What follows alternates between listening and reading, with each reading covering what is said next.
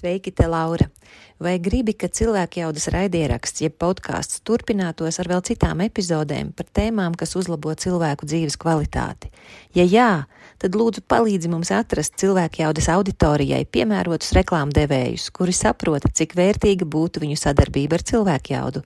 Mums tā būtu iespēja sekt regulāras izmaksas, kas saistītas ar jaunu epizožu veidošanu un nodrošināšanu cilvēkiem, lai visiem bez maksas ir pieejama noderīga informācija, kas uzlabo dzīves kvalitāti un palīdz ieraudzīt jaunas iespējas un risinājumus. Ja gadījumā tu esi no reklāmas aģentūras vai tam līdzīga uzņēmuma, tad varbūt tu vari mums palīdzēt ar ieteikumiem un idejām, kā mēs varam sastapt īstos uzņēmumus, kuri būtu priecīgi par sadarbību ar cilvēku jaudu. Mēs meklējam risinājumu, kurā visi iesaistītie ir ieguvēji. Kad apkārtējie jūtas labāk, tad dzīvojam veselīgākā un atbildīgākā sabiedrībā, un jo kvalitatīvāka tad ir cilvēku dzīve. Ja tev ir praktiski risinājumi par to, ko tikko izstāstīju, mēs priecāsimies par tavu ziņu uz info at cilvēkjauda.lv ar informāciju, kā vari mums palīdzēt turpināt šo darbu par to, ko tikko lūdzu. Kāda vēlme uzvarēt ir spēcīgāka par viņu bailēm zaudēt? Un tas ir mega faktors, kas var ietekmēt rezultātu. Un ar to arī tas sports ir tik aizraujošs. Un tad es pirmo reizi aizlidoju piedalīties pasaules čempionātā.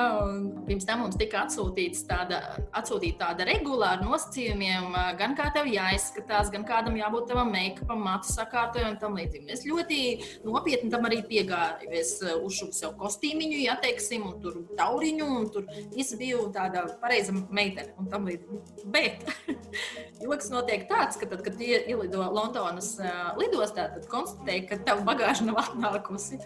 Un tu esi ģērbta zābakos, ādas biksēs un sarkanā, sarkanā krekliņā. Un tādu tu aizbrauc uz pasaules čempionātu ar mēģinājumu pierunāt komisiju, ka varbūt tomēr ļaut uh, spēlēt. Un tās uh, dāmas uh, raida tev skatienus, ja teiksim, tādā virzienā.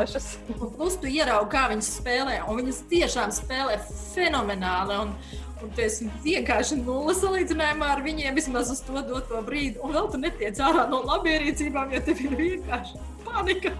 Es neļauju sev nu, ilgi žēlot sevi, jo nu, tiešām tā žēlošana ne pie kā nenoveda.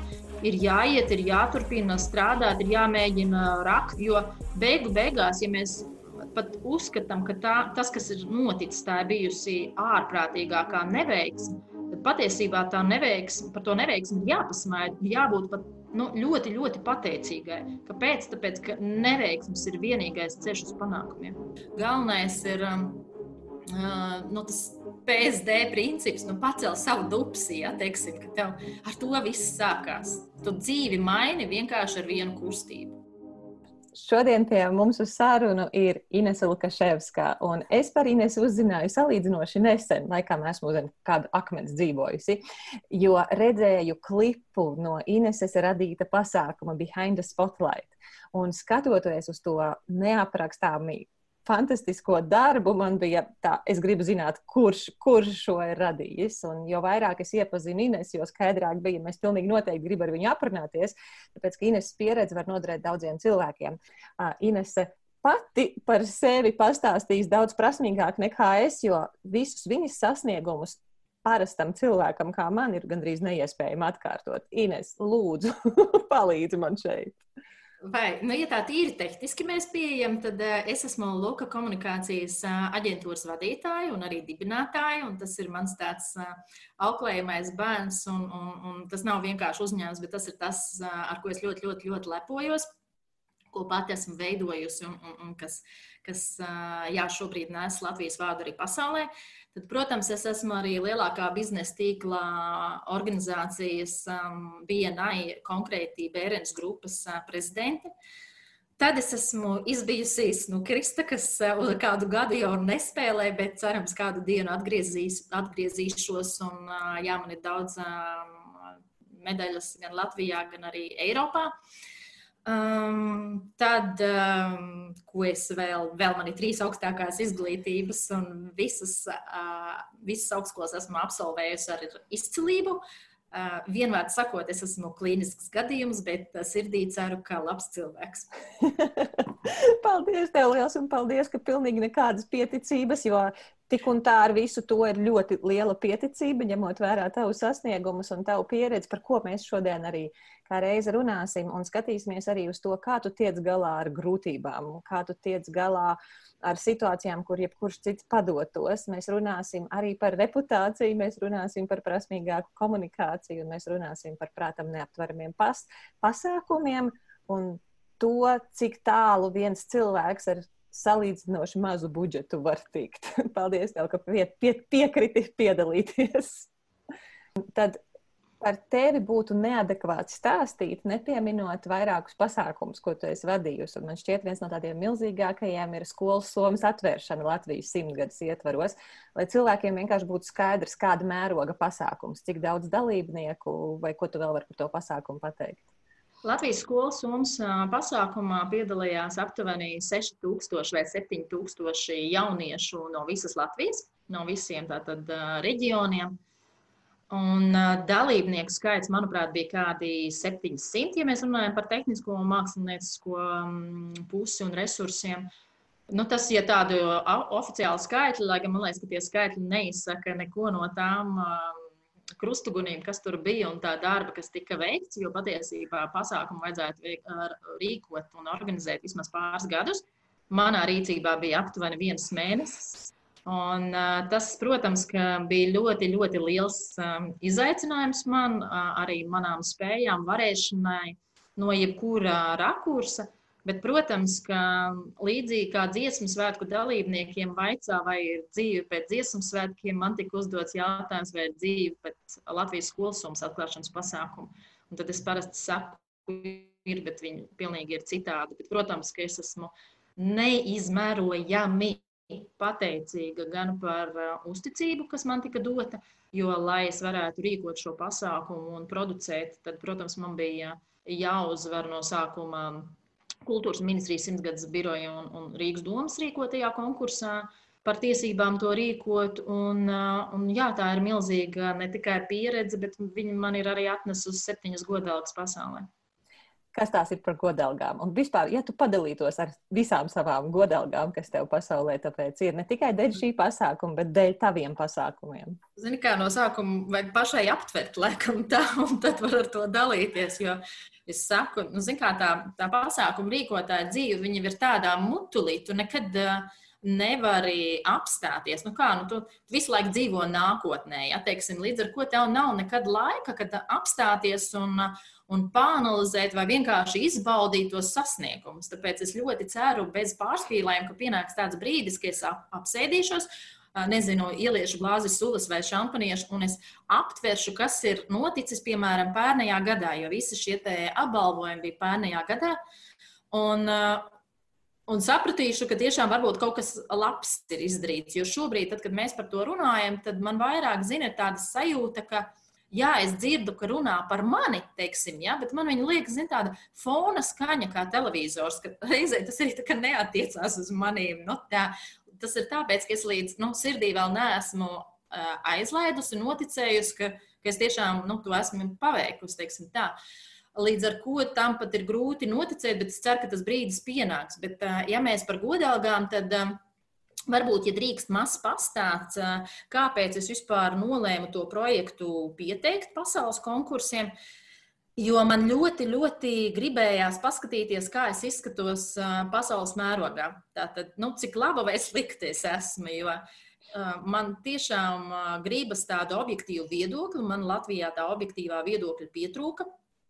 Un es biju gatava riskēt un iesniedzu šo projektu principā visiem lielākajiem pasaules konkursiem, kas ir. Es arī uzskaitīšu, kuriem nu, šajā gadījumā ir runa par Event X, par Be a World un par German Design Award.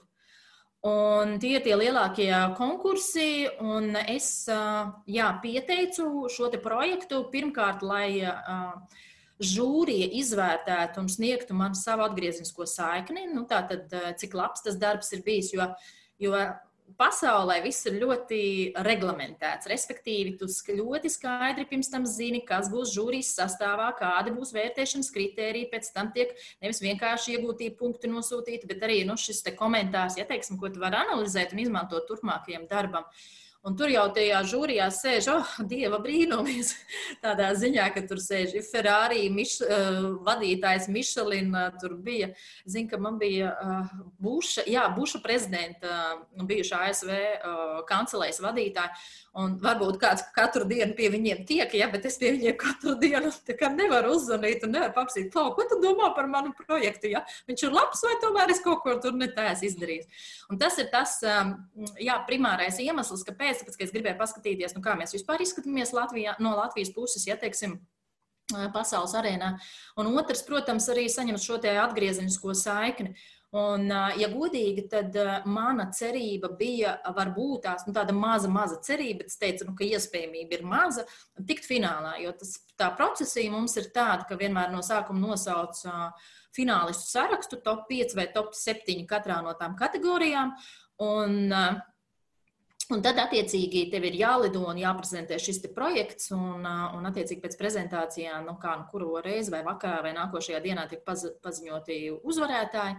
Bet šis ir, šis ir jā, tas standarta variants, kā tas notiekās. Un uh, vienīgais, ko es vēl uh, par šo gribu pateikt, arī par to kontekstā ar savu maksimālismu, jo es esmu nu, ļoti izteikti maksimālists, bet kā vispār notiek tirgū. Ļoti bieži organizatori, tad, kad piesaka savus darbus, vienalga vai tādā nu, vietējā vai starptautiskā konkursā, viņi pieiet šim jautājumam strateģiski. Ko tas nozīmē? Jo ir daudz dažādas redz, kategorijas. Teiksim. Tur labākais B2B pasākums, labākais tur B2C vai labākais, es nezinu, tur. Uh, nekomerciālais vai uh, bez budžeta. Nu, tā, tās tādas vai konferences, kas ir nu, vairāk vai mazāk tomēr kaut kādas apakškategorijas. Ja, teiksim. Bet tad ir tāda mega kategorija, kas ir labākais kultūras pasākums pasaulē vai labākais mākslas pasākums pasaulē, kur tu zini automātiski, ka konkurence būs vislielākā. Tāpēc, ka, protams, tur tiek iesniegti lielie projekti, valsts pašvaldību finansētie uh, Un Latvijas budžets, lai kā mēs te citreiz kaut ko pīkstētu, jo kā ar pēc kādu naudu izdot, tur es, es atvainojos, privātajai balītei ir 2 miljoni, 3 miljoni, teiksim, budžeti, un tu kopā arī vienā, nu, vienā arī tajā kategorijā arī esi, ja viņi ir iesnieguši, teiksim. Nu, lūk, un tad citi pieiet ļoti tā strateģiski iesniedzot, iesniedzot savus darbus tajās apakškategorijās, protams, ja tas atbilst. Man, protams, ka bija kultūra un māksla. Un tad es domāju, kā man šajā gadījumā rīkoties. Un, kā pirmais gads, kad es vispār kādu projektu iesniedzu pasaulē. Tad, eh, bet es jau gāju uz visu banku. Ja? Es uzreiz iesniedzu labākais kultūras pasākums pasaulē, labākais mākslas pasākums, labākais koncerts, labākais dzīvēs šovs un tā tālāk. Un, eh, un tas stāsts ir tāds, ka tagad, kad bija pēdējais konkurss pērnajā gadā, un uh, mēs iekļuvām finālā, un, bet kad mēs sniedzām iekšā, uh, Es zināju, nu, ka šajā konkursā gan mums nekādas nav iespējas iekļūt pat finālistu vidū, un tad es tā pārdomāju, ka varbūt tās iesniegt kādā citā kategorijā. Bet es domāju, nu nē. Es taču pēc tam kodīšu pirkstus, ja nu gadījumā kaut kas ne tā, un ja jau iet uz visu banku, tad bija grūti, bija tiešām grūti, gribējās iet strateģiski, bet iesniedz tāpat tās labākais kultūras pasākums pasaulē. Un tas rezultāts bija tāds, ka jā, mēs ieguvām septiņas godalgas ar Latvijas skolas somas atklāšanas pasākumu. Tā skaitā viņš tika atzīts par labāko koncertu pasaulē. Labākais kultūras pasākums viņš palika otrajā vietā pasaulē, labākais mākslas pasākums arī otrajā vietā. Tā skaitā mēs uzvarējām arī German Design Award un Eventex jā, ar šo projektu. Un, un tas ir pilnīgs kaut kāds kosmos, jo uh, Man ļoti saka, parasti, ka es esmu kritiska, kas ir tiesa, bet, ja darbs būs labs, es būšu pirmā, kas piecelsies kājās un aplaudēs. Un tad Milānā tieši tā arī bija, ka es noklausījos. Mēs bijām septiņi finālisti kategorijā labākais kultūras pasākums. Un, un tad es noklausījos visus savus konkurentus. Un es sēdēju un es teicu vīram, pagaidi, kuru tad atstātais strīpas? jo viņi visi bija absolūti izcili. Piemēram, itāļu projekts, kas bija Leonardo da Vinci veltīts un viņa skulptūrām, zirgu skulptūrām un, un mākslas tāds ārprātīgi liels projekts, kas notika Milānā un Romā, netika pat trīniekā. Nu, tas ir tas stāsts par to konkurenci. Bet pēc tam, kāda tev sajūta bija, nu, kaut nedaudz, nu, labi, es saprotu, tajā brīdī ir pacēlums, bet cik viņš tev ilgi ilga? Nebija pacēluma. Piedod, nu, tādā ziņā, ka drīzāk šoks kāds kaut kāds, jo, jo es tev varu pastāstīt par to šoku, kāds bija, ka pirmais konkurss, kurā mēs pieteicāmies, bija Irenteks. Un, un es ļoti gaidīju tos rezultātus. Un tad, kad es ieraudzīju tos rezultātus, es šausmīgi histēriski sāku mājā kliegt. Un, un es galīgi neesmu histēriska sieviete. Un es šitā, ah, oh, oh, es nevaru parunāt, es nevaru parunāt, nevaru parunāt. Un es zvanu vīram pirmais. Jo es, nu, jo es atvēru, tad, to finālistu listu tieši Luka nu, bija pirmais vārds. Un, un es zvanu, un es, es vienīgais, ko daru, es turpinu šādā pašā histēriskas sievietes uh, maniakālā formā kliegt. Es viņam saku, ah, un viņš domā, ka man slikti. Viņš saka, Zaķi, kas tev ir? Ja? Un es tikai, ah, ah, nevaru parādīt. Beigās pasaka, mēs esam iekļuvuši finālā, es taču nespēju noticēt. Un es saku, pat, pat jāpiezvanās kultūras ministrijai. Viņš saka, tu tikai šādā stāvoklī nezvani. un es piezvanīju tieši šādā stāvoklī, es nekad neklausīju. Un es atkal, ah, bet tur otrajā pusē nepacēla vienkārši klausu. Un, tā. un tad, kad bija pagājis pusstunda, es priekšsāku, domāju, paga, paga. Bet mēs taču iesniedzām piecās kategorijās, varbūt ir vēl kādā. un tad es sāku skrolēt lejā un ieraudzīju, ka mēs esam visās piecās kategorijās izvirzīti. Un tas ir tas stāsts par to šoku, ja teiksim. Jo kāpēc varbūt tās nav tā wow, tā svētku sajūta, drīzāk kaut kāds afekts stāvoklis, tāpēc arī saku, ka es gribētu apsēsties un izbaudīt Jo tas tomēr ir ārprātīgi liels un smags darbs. Tas nav vienkārši, nu, ka mēs kaut ko piesakām, jo tiek gatavot ļoti daudz materiālu, tad tu lido, tad tu prezentē. Tur ir tāds intensīvais ritms, un tu esi tādā ārprāta mobilitātes stāvoklī, ja, teiksim. Un pēc tam ir vienkārši atslābums. Nu, tāds. Un tu vienīgais, ko jūti, to fizisko piekusumu, nu, teiksim tā. Un, un tāpēc varbūt tās. Uh, nav tādas, varbūt kaut kādas eifórijas. Drīzāk tā eiforija ir, jā, ka tu saņem to finālistu sarakstu. Piemēram, šobrīd es startēju ar eh, diviem projektiem Kanās, un es eh, jau dēļ koronavīrusa ir trīs reizes atlikt šie fināla re rezultāti. No sākuma teicu, ka būs martā, tad aprīlī, tad tagad 19. jūnijā. Jā, nu es ceru, ka būs šis. Ah! Nu, tā kaut kā. Tad atgādini skolas somas projektam, cik tev laika bija viņa sagatavošanai? Aptuveni mēnesis. Viens mēnesis. Jā. Un, ja mēs tā padomājam, cik ilgi gatavoja tos pārējos projektus, vai ne? Kas tur bija? jā, jā, un vēl arī, ka mm, tas budžets citiem projektiem bija pilnīgi nesalīdzināms. Un uh, žūrija bija pat tāda situācija, ka viņa neticēja, nu, ka tik mazs budžets. Viņa neticēja. Uh, Jo ir konkursi, kur tev ir jānorāda budžets, un ir, kur tev nav jānorāda. Un tad bija tāda situācija tajā pašā Milānā, ka žūrijas loceklis prasīja vienai žurnālistē no Somijas, kas bija man arī intervējusi pirms tam. Viņa man pazina, viņa prasīja, klausies, nu, kā viņa to paveic. Viņa saka, es nezinu, tas prasa Inesē. Nu, tā. Skaidrs. Bet, Ines, tā ir ļoti liela drosme uzņemties pasākumu, kur ir valsts nauda iekšā. Kā tu to spēji vispār? Es nezinu, vai tā ir drosme, varbūt tas ir stulbums. jo tu jau, kad lec, tu jau nezini, kāds būs rezultāts. Nu, tā bija tava tā. pirmā pieredze, organizējot valsts pasākumu par valsts naudu. Nē. Bet tad jau tu kaut ko tomēr vari nojaust. Tas ir ļoti netipisks uh, gadījums, jo man patīk uh, valsts iepirkumi, ja vien viņi ir leģitīmi. Un mēs diezgan bieži viņos arī startējam, tāpēc, ka ļoti bieži nu, teiksim, tas pats projekts ir interesantāks, teiksim, vai uh, vai mērķis, ko mēs vēlamies sasniegt, vai kaut kāda jēgpilnība, ja teiksim, tur tā komercializācija ir tā nu, otrajā, otrajā plānā, sauksim tā, un ir tādas jomas, kuras jūtos ļoti stipri. Viena, protams, ir šie kultūras mākslas pasākumi, bet tie ir kaut kādi no nu, sociālās atbildības projekti vai kaut kādi jā, sociāli ievirzi. Es ļoti daudz gadus veidoju kampaņu par ādas vēzi, tik, ilgi, tik ļoti tajā arī visā ielīdu iekšā, ka man jau likās, ka es esmu slima un tam līdzīgi. Bet, bet tad tie ir tur, kur es redzu nu, to jēgpilnību. Man ļoti, ļoti ir svarīgi kaut ko darīt, lai es redzu, ka tam ir nu, kaut kāda tiešām, nu, es varu sniegt kaut kādu pienesumu un ir kaut kāda jēga. Bet līdz ar to es esmu netipisks gadījums, jo, kā jau es teicu, man konkursi patīk. jo tas ir arī nu, pārbaudījums maniem spēkiem. Protams, ja viņš ir nu, leģitīms, bet, bet nē, tā nebija pirmā pieredze, protams, ka, bet viņš bija no sarežģītības, vienalga tehniskā, mākslinieckā laika resursa, protams, vissarežģītākais, kas var būt, un drošības viedokļu, jo, ja pasākumā galvenā mērķa auditorija ir bērni, tad tas uzreiz būs A līmeņa prioritātes no drošības viedokļa. Un, un otrs jau vēl arī nevar skatīt vienkārši no nu, tikai uz laiku, bet uh, cik komplicēts tas pasākums ir no tavas uh, mākslinieckās un tehniskās ieceres, ja teiksim. Un, ja tu mēģini veidot kaut kādas neordināras kompilācijas, tas, tas automātiski ir risks, jo tev nav kad īsti izmēģināt, un tu nezini, vai tev sanāks vai nesanāks, un, un, un tā kaut kā. Bet tev te ir milzīgs rudījums ar iepriekšējiem pasākumiem, ar iepriekšējām neordinārajām situācijām, force mažoriem. Vai es varu lūgt tevi izstāstīt nu, tos trakākos brīžus, ko tu esi savā pasākumu rīkošanas pieredzē piedzīvojusi, un kas tevī tāpēc ir tā tava pozitīvā bagāža, ka tu zini, ja es to atrisināju, es vēl visu kaut ko varu atrisināt. Ja tu vari nosaukt tās situācijas, aprakstīt mums tos stāstus. Tie stāsti ir ļoti, ļoti daudz, protams, bet uh, tas smieklīgākais ir kas, ka uh, Mēs reiz rīkojām Rīgas brīvos 815 gadu jubileju, un mums viņam bija tika dots, mēs uzrunājām, ka mēs uzvarējām konkursā kaut kur bišķīt pāri divām nedēļām, no nu, apmēram tā.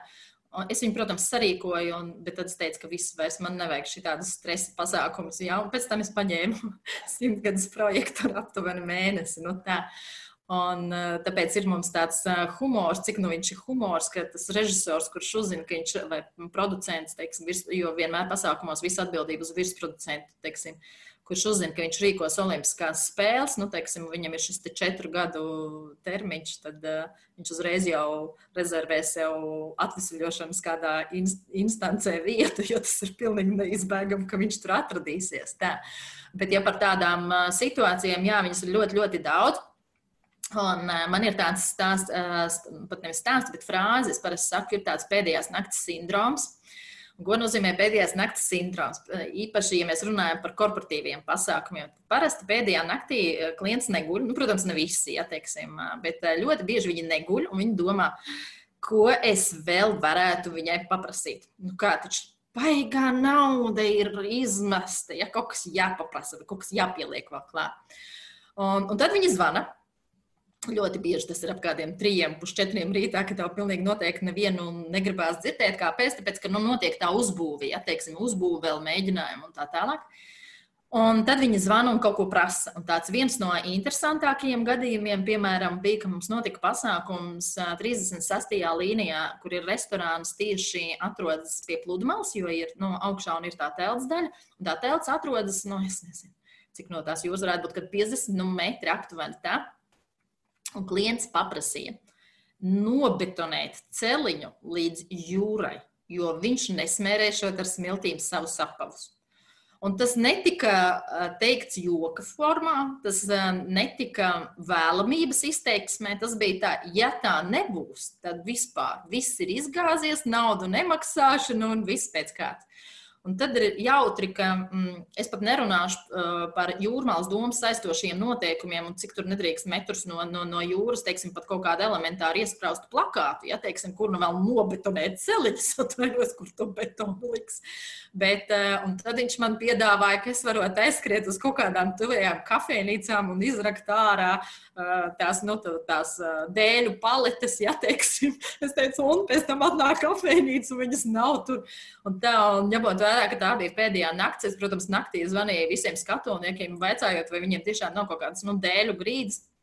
Ko viņi man varētu aizdot, un tad, protams, ka nevienam nebija. Un tur vēl tā sarežģītība, ka uh, no tās telpas daļas līdz jūrai ir tāds liels, liels smilšu kalns. Ja? kurš pēc būtības būtu jānorok, ko arī nedrīkst darīt, un, un tā tālāk. Un tad eh, es atradu risinājumu. Bija viena skatuves firma, kas no Vācijas, un viņa bija uz brīdi izmitinājusies Lietuvā, lika vienu koncertu, un tad viņi man atsūtīja tādus dēlīšus. Un tad mēs burtiski tos dēlīšus ar rokām likām. Pirms tam mani puiši raka tās smiltis ar parastām lāpstiņām nost. Ja? Un mēs pa dēlītīm uztaisījām celiņu līdz uh, jūrai. Nu, kaut kā tā.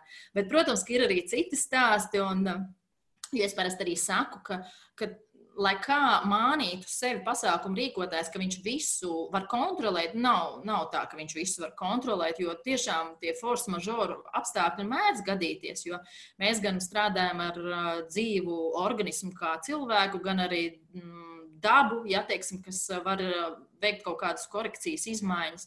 Jo, piemēram, man bija reiz pasākums, viņš bija veltīts tādam džēzam, 20. gada stilistika, glamūrs. Tur bija paredzēts, ka notiek vienas kompānijas teritorijā, kur viņiem bija ļoti, ļoti skaists zālājs. Un, un cik cilvēku tajā pasākumā? Aptuveni 800 cilvēki. 800. Nu, okay. 800. Tas, tas vienkārši jā. palīdz saprast apmēram apjomu. Jā. Un bija paredzēts, ka dāmas nāk vakartārpos un uh, kailām kājām, uh, pēdām, teiksim, staigā, jo, jo ļoti forši, augusts, silts, karsts un, un tam līdzīgi. Un tad pēdējā naktī mums uh, uzrādījās skudru populācija, ja teiksim, kaut kādos desmit hektāros vienkārši nu, burtiski tā muģēja no tām skudrām. Latvijā? Latvijā. Bet kā tas ir iespējams, ka viņas ir tik daudz uzrodētas? Es nezinu, kurš viņas izsauc. Nu, burtiski muģēja. Nu, tur, tur, nu, nu, tur. Un dāmas ar plikām kājām iet. Jā, viņām nu, nākamajā dienā paredzēs, tur viņas taču nekur nekāps tur iekšā. Nu, tur, tur viss -hmm. pasākums ir izgāzies. Un, un, un tās plikās kājas, tās plikās kājas vajadzēja? Uh, vienkārši tāpēc, ka no nu, zālēs ir patīkami pa zālē ar kailām staigāt, nevis ar augstspēju kurpēm, kur tu uh -huh. rieni iekšā. Nu, teiksim, tā, jo tā visa teritorija bija kā zālēs, nu, kurā, kurā tas notika. Nu, tā, un tad es atceros, ka es zvanīju uz izziņu biroju kaut kādos. Uh, četros vai trijos naktī, un es prasīju, vai viņi nezina, kā, kā, kā noindēt skudras. Un tad es saņēmu atbildi, ka dzert vajag mazāk, nu, teiksim, vai arī viņi man piedāvāja zoodāru tālruni. Nu, teiksim, nu, tā teiksim. Nu tā, bet, eh, bet es atceros arī tādu, ja var īso stāstu. Paga, es, es gribu zināt, kā tad beigās ar tām skudrām beidzās. Nu, viņas gāja savu ceļu, kuru es viņām norādīju, kuru iet. Tu tā kā kaut ko aizmānīji viņas projām? Nu, es izdarīju tā, lai viņas tur nebūtu, bet neprasa, kā es to izdarīju. Labi, es esmu speciāli atbildīga. Es vienkārši viņām norādīju ceļu, kur viņām iet. Skaidrs. Nu, labi, kas ir nākošais stāsts, kurus tev tikko nu, jā, tad man, tad man bija, es biju kādu laiku arī aizrausies visādiem mūnas pasākumiem, teiksim, taisīju, un, un, tad, jā, un tad man bija pasākums paredzēts Doma laukumā.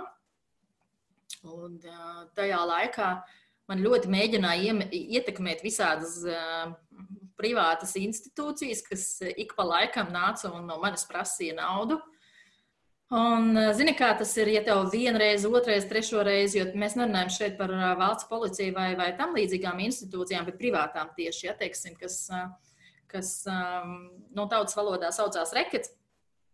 Bet viņi nāca jā, un, un stāstīja, ja viņi, teiksim, nāks palīdzīgā, tad cik droši viss būs un, un, un tam līdzīgi. Un tā pieredze toreiz arī nebija tik liela. Uh, Un tad es atceros, ka mēs uzbūvējām skatuvi. Viņa bija ļoti, ļoti augsta.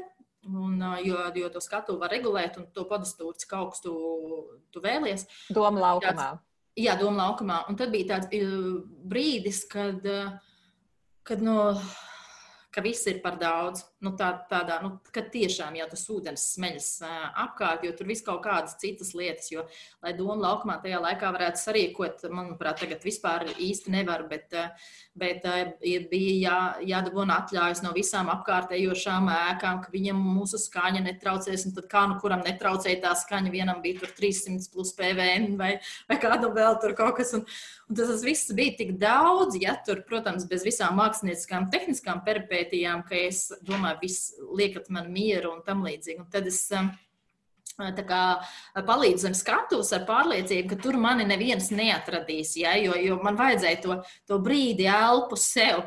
Arī tur mani atrada un izvilka arī no turienes ārā. Un, bet, protams, pasākums beidzās veiksmīgi, bet jā, tie ir tie tādi brīži laikam, kad. Uh, ka tev ir tikai divi ceļi, vai nu uz priekšu, vai nu atpakaļ. Vidusceļa nav. Ines, es esmu dzirdējusi, ka tev ir bijušas pietiekami stipras iekšas, lai situācijās, kur cilvēki rīkojas neadekvāti, arī atceltu pasākumus. Vai tu vari par tām pastāstīt, jo nu, tur, man liekas, vajag tiešām milzu iekšas? Zini, kā um, es nezinu, vai, vai iekšas vai, vai vēlmi būt godīgam ar sevi. Nu, tā kaut kā laikam, jo uh, Jo, protams, ka tā komerces praksa jau nevienmēr ir tāda ļoti godīga, sauksim to tā, un katram ir arī tā sava izpratne par to, ka, kas ir atļauts, kas nav, vai ētika ir vienkārši jēdziens vai reāli ikdienā pietiek, piekopjamā praksa. Manā gadījumā bija tā, ka ka man pēdējā naktī tika mēģināts paprasīt daudz reizes vairāk naudu par uh, skatuves tehniskajiem risinājumiem. Un uz cik lielu pasākumu tas bija? Kā lūdzu? Uz cik lielu pasākumu tas bija? Tas arī bija Doma laukumā pasākums. Es tagad neatcerēšos, tas bū, bija sen, bet jebkurā gadījumā mēs runājam par simtiem vai tūkst, pārpa tūkstoti. Nu, noteikti tas jau ir atkarīgs no, no ļaužu plūsmas un tā. Uh, Bet, eh, jebkurā gadījumā, tas pasākums pietiekami ilgi tika reklamēts televīzijā, un um, tas, tas promo gāja ļoti ilgi, līdz ar to tas nebija kaut kāds privātais pasākums, ko tu vari atcelt, piemēram, vienkārši apzvanot draugus, un, un nekāda liela nu, teiksim, traģēdija nenotiek. Un, uh, nu, jā, un, ja tas iepriekšējā naktī notiek, tev jau nav nekāda pat iespēja nodot uh, caur informatīvo telpu kaut vai cilvēkiem, nu, ka nenākiet, vai, vai, vai kas notiek ar viņu, nezinu, ielūgumiem vai biļetēm, vai vispār kas notiek un tam līdzīgi. Um, nemaz nerunājot par uh, daudziem simtiem iesaistīto, teiksim, domāju, no māksliniekiem, tehniskā personāla, drošības atļaujām un vispārējā. Un tad, jā, un tad tajā gadījumā man bija um, izvēle, un man tās naudas nebija trīs reizes vairāk, un otrs, es esmu arī diezgan liela tāda taisnības mīlētāja, un es uh, arī nesaprastu, par ko man maksā, tikai tāpēc, ka man prasa. Es vispār nekad nedaru neko kopš skolas laikiem, tikai tāpēc, ka kāds liek, jā, teiksim, tāpēc, ka tā dara visi, piemēram. Nu, es nezinu, man liekas, tā nav argumentācija, tāpēc, ka dara visi. Nu, tā. Un, uh, un tad tajā gadījumā jā, bija tā izvēle vai nu, vai nu maksāt. Um, šādā vai tādā formā, kas man arī ļoti skaidri tika pateikts, vai nu, vai nu visu atcelt. Nu, tā, tajā dzīves posmā es nolēmu uh, visu atcelt. Esmu pārliecināta, ka arī šajā dzīves posmā es būtu pieņēmis tādu pašu lēmumu. Tikai šajā dzīves posmā tas būtu simtreiz vieglāk, jo ir pieredze, nezinu, kaut kāds backgrounds, cilvēki, sakari un tā tālāk. Bet jā, man, man man ir ļoti, ļoti svarīgi, laikam, lai tas cilvēks, kas skatās man spogulī no rīta, man viņš patīk. Un, un tas bija viens no galvenajiem iemesliem, kāpēc to izdarīju. Protams, morāli ļoti smagi, bet savukārt, tad, kad viņš tika sarīkots no jauna, tad atkal tā bija tāda iekšējā morālā uzvara. Un tu necieti pēc tam, kad tu atcēli nekādas sekas nu kā, nu tās ir kaut kādas finansiālās sekas, teiksim, jā, un, ja mēs tā runājam, pasākumu rīkotāji jau vispār nu, tāda. Um, īpaši tie, kas rīko kaut kādas koncerts vai liela kalibra teiksim, notikums, viņi jau vispār ir ļoti interesanti tauta. Nu, tādā ziņā, ja pieņemsim, kāds pasākums neizdodas un cieši zaudējums, tur jau ir tikai daži varianti, kā rīkoties tādās situācijās. Viena, teiksim, bēg uz kaut kādiem, nezinu, Latgales mežiem un slēpjas, otri, teiksim, sāk kraut dzelzceļa vagonus vai vēl kaut ko tam līdzīgu, un trešie domā jaunus projektus, ar kuriem cerams noseks tos mīnusus un ka izšaus. Nu, tā, tur jau nav citu variantu. Tas bija tas ceļš, ko tu gāji, ja? Jā, protams, es turpināju strādāt. Es ne, biju... ne tajos latgāles laukos. Jā, turpinot pie projektiem, pasākumiem strādāt.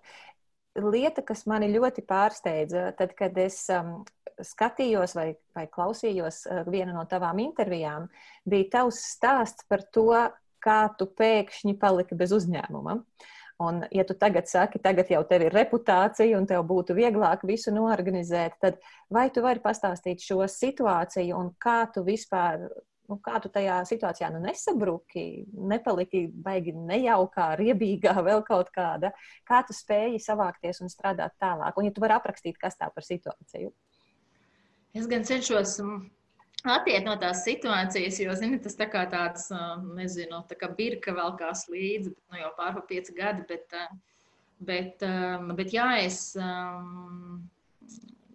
agrāk arī ļoti daudz strādāju, sauksim to tā, un uh, sanāca, es nezinu, pa 16 stundām es strādāju, plus paralēli tajā gadījumā es vēl arī ieguvu atkal maģistra grādu, un zinot, ka es esmu perfekcionists, tad, protams, um, es gribēju to izdarīt ļoti labi, un nevis tā desmitnieka vienkārši es vispār dzīvē nevaru iedomāties darīt kaut ko uh, pa vidam. Ja zem kaut kā parakstos, man ir svarīgs nu, tas rezultāts vienalga, vai es mājā vecākiem klāju galdu, cik skaisti viņš būs. Tur neatšķirsies no pasākuma. Tas nav tāpēc, ka nu, viņiem jau var kaut kā.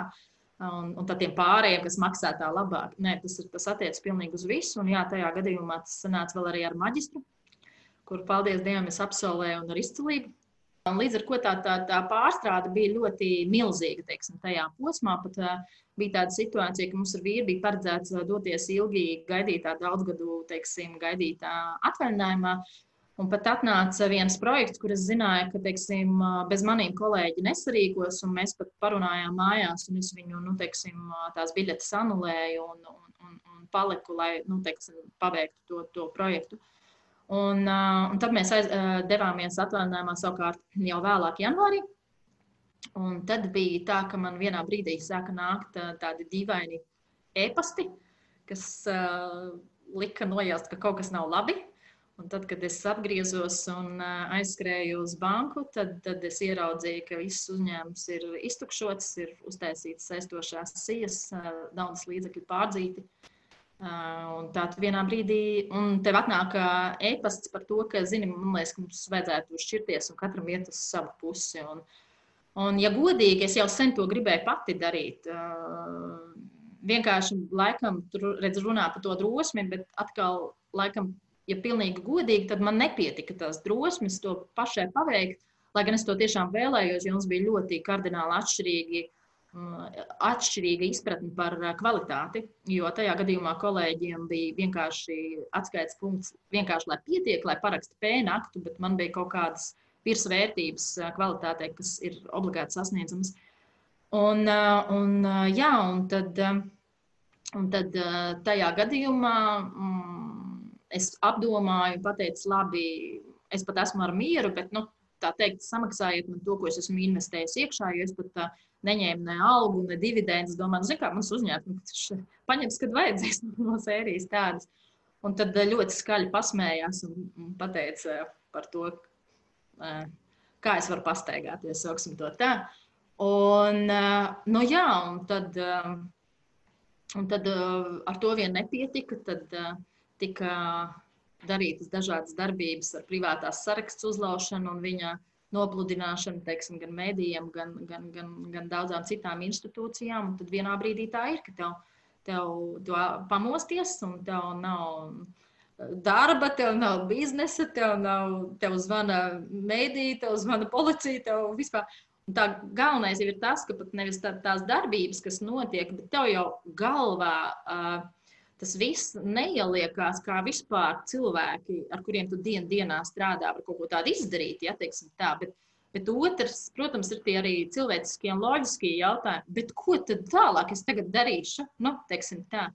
Jo, lai saprastu, manā industrijā jau nepietiek vienkārši ar tavu, nu, teiksim, privāto vārdu, arī tiem pašiem konkursiem. Ja tu vēlēsies startēt, tad, tad arī uzņēmumam ir jābūt vārdam, teiksim, un pieredzēji. Un es jau varu jaunu uzņēmumu uztaisīt, bet viņiem jau nebūs nekāda pieredze, ja nekur nevar startēt. Nu, teiksim, tā. un, un tas galvenais iemesls, jā, kas mani biedēja, kāpēc varbūt es to soli pirms tam nespēju pati, es domāju, nu, kurš dabūšu to klientūru tik daudz, lai tas uzņēmums nu, reāli varētu labi strādāt, teiksim, tā, zinot, kāda tā cīņa par klientiem ir, nu, teiksim, tirgu. Un līdz... tā, tā ir tā mana, mana dzīves skarbā skola, kur, kur jā, lai kā man nepatiktu teikt, jo es parasti nekad nestāstu, pat tad, kad man ir grūti vai kaut kas ne tā, es nekad, man smaids vienmēr būs un es uz priekšu. Bet tā bija reize, kad es uh, sēdēju mājās grīdas un, un daudz raudāju. Un, uh, Jo es um, laikam tieši no tā nevis, kad, ko es darīšu, teiksim tā, ja, bet uh, jo gan jau kaut ko izdarīšu, nu, vajadzēs iešu uz veikalu strādāt. Nu, man, es pilnīgi neiedalu cilvēkus kaut kādās tur kategorijās, vai, vai tas zem mana koda, vai vēl kaut kas. Drīzāk man bija morāli smagi, jo es nevarēju nu, to nodevību saprast kā tādu īpaši, kad uh, nu, ir cilvēks, kurš uh, visu izliek, teiksim, sevi ārā tajā procesā. Nu, tā kaut kā tāds ir mans. Uh, skarbais stāsts, bet patiesībā ļoti pateicīgais stāsts, lai cik tas skarbi neskanētu. Jo bez tā nebūtu Lukas, nu, mana, mana ļoti super mīļā, lolotā, man negribas pat teikt uzņēmumu, bet kaut kā ļoti, ļoti radniecīga. Un es pilnīgi noteikti zinu, ka es nekad netiktu atzīta par labāko pasaulē strādājot tur, jo, kā jau es arī teicu, mums bija ļoti atšķirīga izpratne par kvalitāti. Un tā. Ines, es uzdošu dažus jautājumus par to situāciju, jo nu, tas ir tas, kas, es zinu, var palīdzēt cilvēkiem. Un, iespējams, es ceru, ka tā nekad nebūs, bet, ja nedod Dievs, man kādreiz vajadzēs to palīdzību, tad es atcerēšos to, ko tu stāstīji. Tad pirmais, cik gadus tu biji strādājusi ar šādiem cilvēkiem kopā, jeb šajā uzņēmumā? Es neatceros precīzi, varētu būt seši vai septiņi. Tad tie bija septiņi, pieņemsim, septiņi gadi tavas dzīves. Un tad, cik ilgs, kā tev šķiet, bija tas šoka periods, kā tu teici, sēdēji mājās uz grīdas un raudāji, vai vienkārši arī apjukums un, un, un, un tāds besis? Es nezinu. Nu, tās nebija ne stundas, ne dažas dienas, bet arī nu, tas. Uh, tas, um, tā, tā jau nav tāda nu, kaut kāda alerģiskā histērija. Teiksim, tu, jau, tu jau mēģini kaut ko darīt un tam līdzīgi. Vienkārši tas, ka ļoti bieži tu atsities pret sienu un tev ir tas vakums, ja teiksim, ka tu kā zivs mēģini peldēt, bet tev trūkst tā gaisa. Ja, teiksim, tā. Bet uh, es praktiski uzreiz mēģināju kaut ko darīt. Nu, es nezinu, dažas dienas, protams, atkal tu kaut ko izdari, pēc tam tu atkal sēdi, ja teiksim, bet, uh, nu, bet es. Uh, nekad neļauju sev laikam tādā mm, nokļūt mm, sevis žēlastības nu, stāvoklī, ja, teiksim, jo tas uh, ir um, degradējoši. Tur tas nekur neved. Tā žēlstība nekur neved. Drīzāk es pat esmu tāda mazohiste, ja, jo tad, kad man ir ļoti slikti, nevis es mēģinu izdarīt, lai man kļūst labāk, bet es mēģinu analizēt, ko es esmu izdarījis ne tā. Un, lai to analīzes procesu izietu cauri, tev patiešām ir nu, jārokās sevi iekšā. Tātad pirmkārt visā tajā nu, pagātnē, procesā, pat līdz pat vārdiem vai darbiem un tam līdzīgi, un jāanalizē. Nu, Un tas ir ļoti, ļoti skarbi, jo tad, kad tev ir slikti un ir, ir ļoti liela netaisnība notikusi, tev, protams, ka gribas, lai tevi cilvēciski pažēlo, ja nu, teiksim, tā, nevis nodarboties ar sevis sišanu vēl vairāk, ja teiksim. Uh, Bet, eh, bet es tiešām to darīju, un, eh, jo man bija ļoti svarīgi saprast, vai es neesmu kādu kļūdu izdarījusi. Nu, Bet dziļākā pārliecība, ja tu, protams, tev nu, pietiek nu, fiziski un morāli tā spēka sevi tik ļoti urdīt un analizēt, un ja tu to izdari, tad visticamāk pēc tam tu saņemsi kaut ko labu, tev dzīvē kaut kas labs atnāks, jo tā būs kā balva par to, par to mazohismu. Jā, tā man atnāca ļoti daudz balvas. Tā kā. Tā kā galvenais ir neļaut sevi žēlot, nu, teiksim, tajā procesā. Jo neviens jau cits tevi nevar pacelt tajā brīdī. Nu, nevar. Nu, nevar neviens tavā vietā izdarīt. Nu, nevar neviens tev to āmuri un naglu ielikt rokā. Galvenais ir uh, nu, tas PSD princips, nu, pacelt savu dupsi, ja teiksim, ka tev ar to viss sākās. Tu dzīvi maini vienkārši ar vienu kustību. Nu, Pat ja tev sākotnēji tā vēlme ir tik dziļi uh, sekla, ka tu viņu pat nenojaut, vienkārši piecelies. Ar to ir jāsāk. Nu, es neļauju sev vienkārši sēdēt. Nu, tā. Varbūt tas ir manā raksturā vienkārši arī, bet jā, es uh, neļāvu sev sēdēt un arī vēl joprojām nekad neļauju sev nokļūt tādā, nu,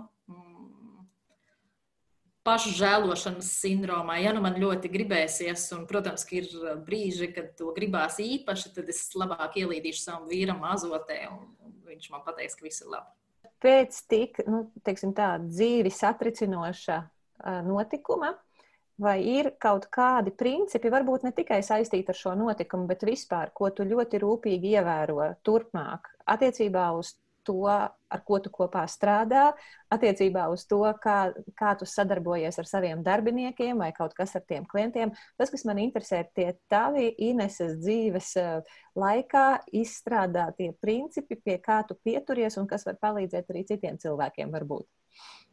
Nu, redz, parasti pēc šādām situācijām, vismaz ļoti bieži, nevis parasti, bet ļoti bieži cilvēki nocietinās, vai ne? Viņi uzceļ sienu, Viņi zūd, viņiem zūd kaut kāda ticība, nezinu, cilvēciskajam, nerunāsim jau par draudzību, ja teiksim, uzticība un daudzas tādas virsvērtības manā uztverē.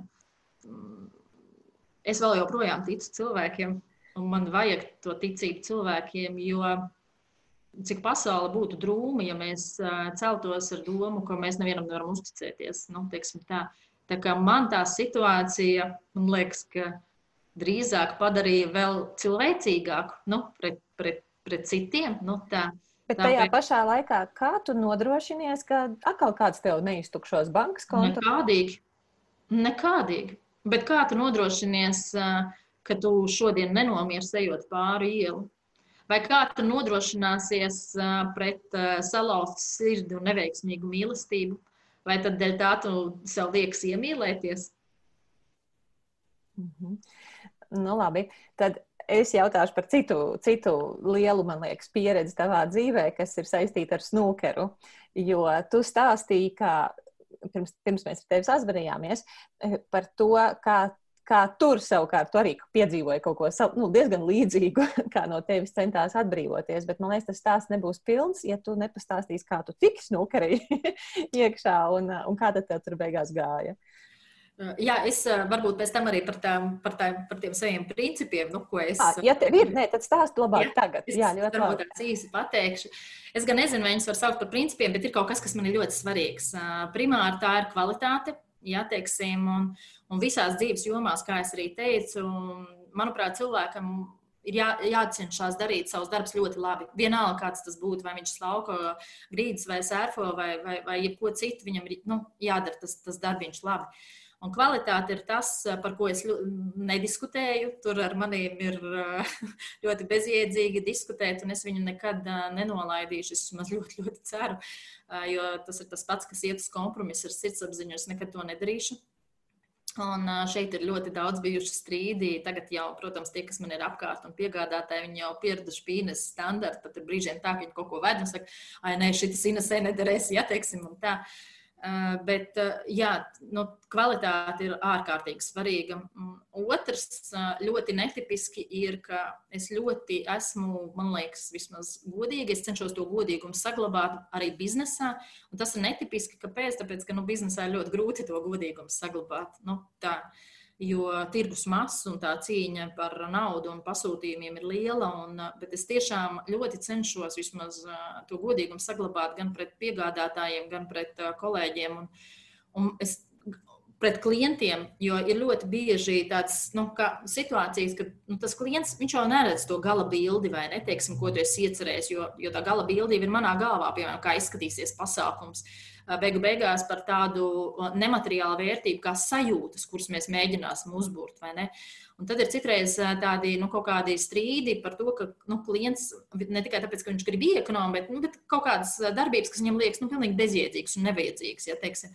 Un tad man ir tā, ka mm, pārsvarā neviens nestrīdās ar klientu, jo priekš kam tu sabojājās attiecības, ja, teiksim, beig beigās viņš var kaut ko nesamaksāt un tam līdzīgi. Bet es, zinām, mērā, es eju strīdos, respektīvi, es mēģinu pierādīt, ja es tiešām tam ticu, ka to vajag, tad es mēģināšu pierādīt. Un kā prakse liecina, tad pēc tam tas klients ir arī pateicīgs tev. Un tas ir tas godīgums pret viņu, ja, teiksim, nevis vienkārši piekāpties, un tāpēc, ka tev tā ir vienkāršāk vai vieglāk vai, vai izdevīgāk. Tas ir tas godīgums. Uh, un vēl man liekas, uh, ka tas, ko es arī cenšos darīt, ir um, fokusēties nevis tas, ko mēs darām, bet kā mēs darām, kas ir arī saistīts ar to kvalitāti. Ja, teiksim, man ir uh, birojā tāds uzraksts, so what?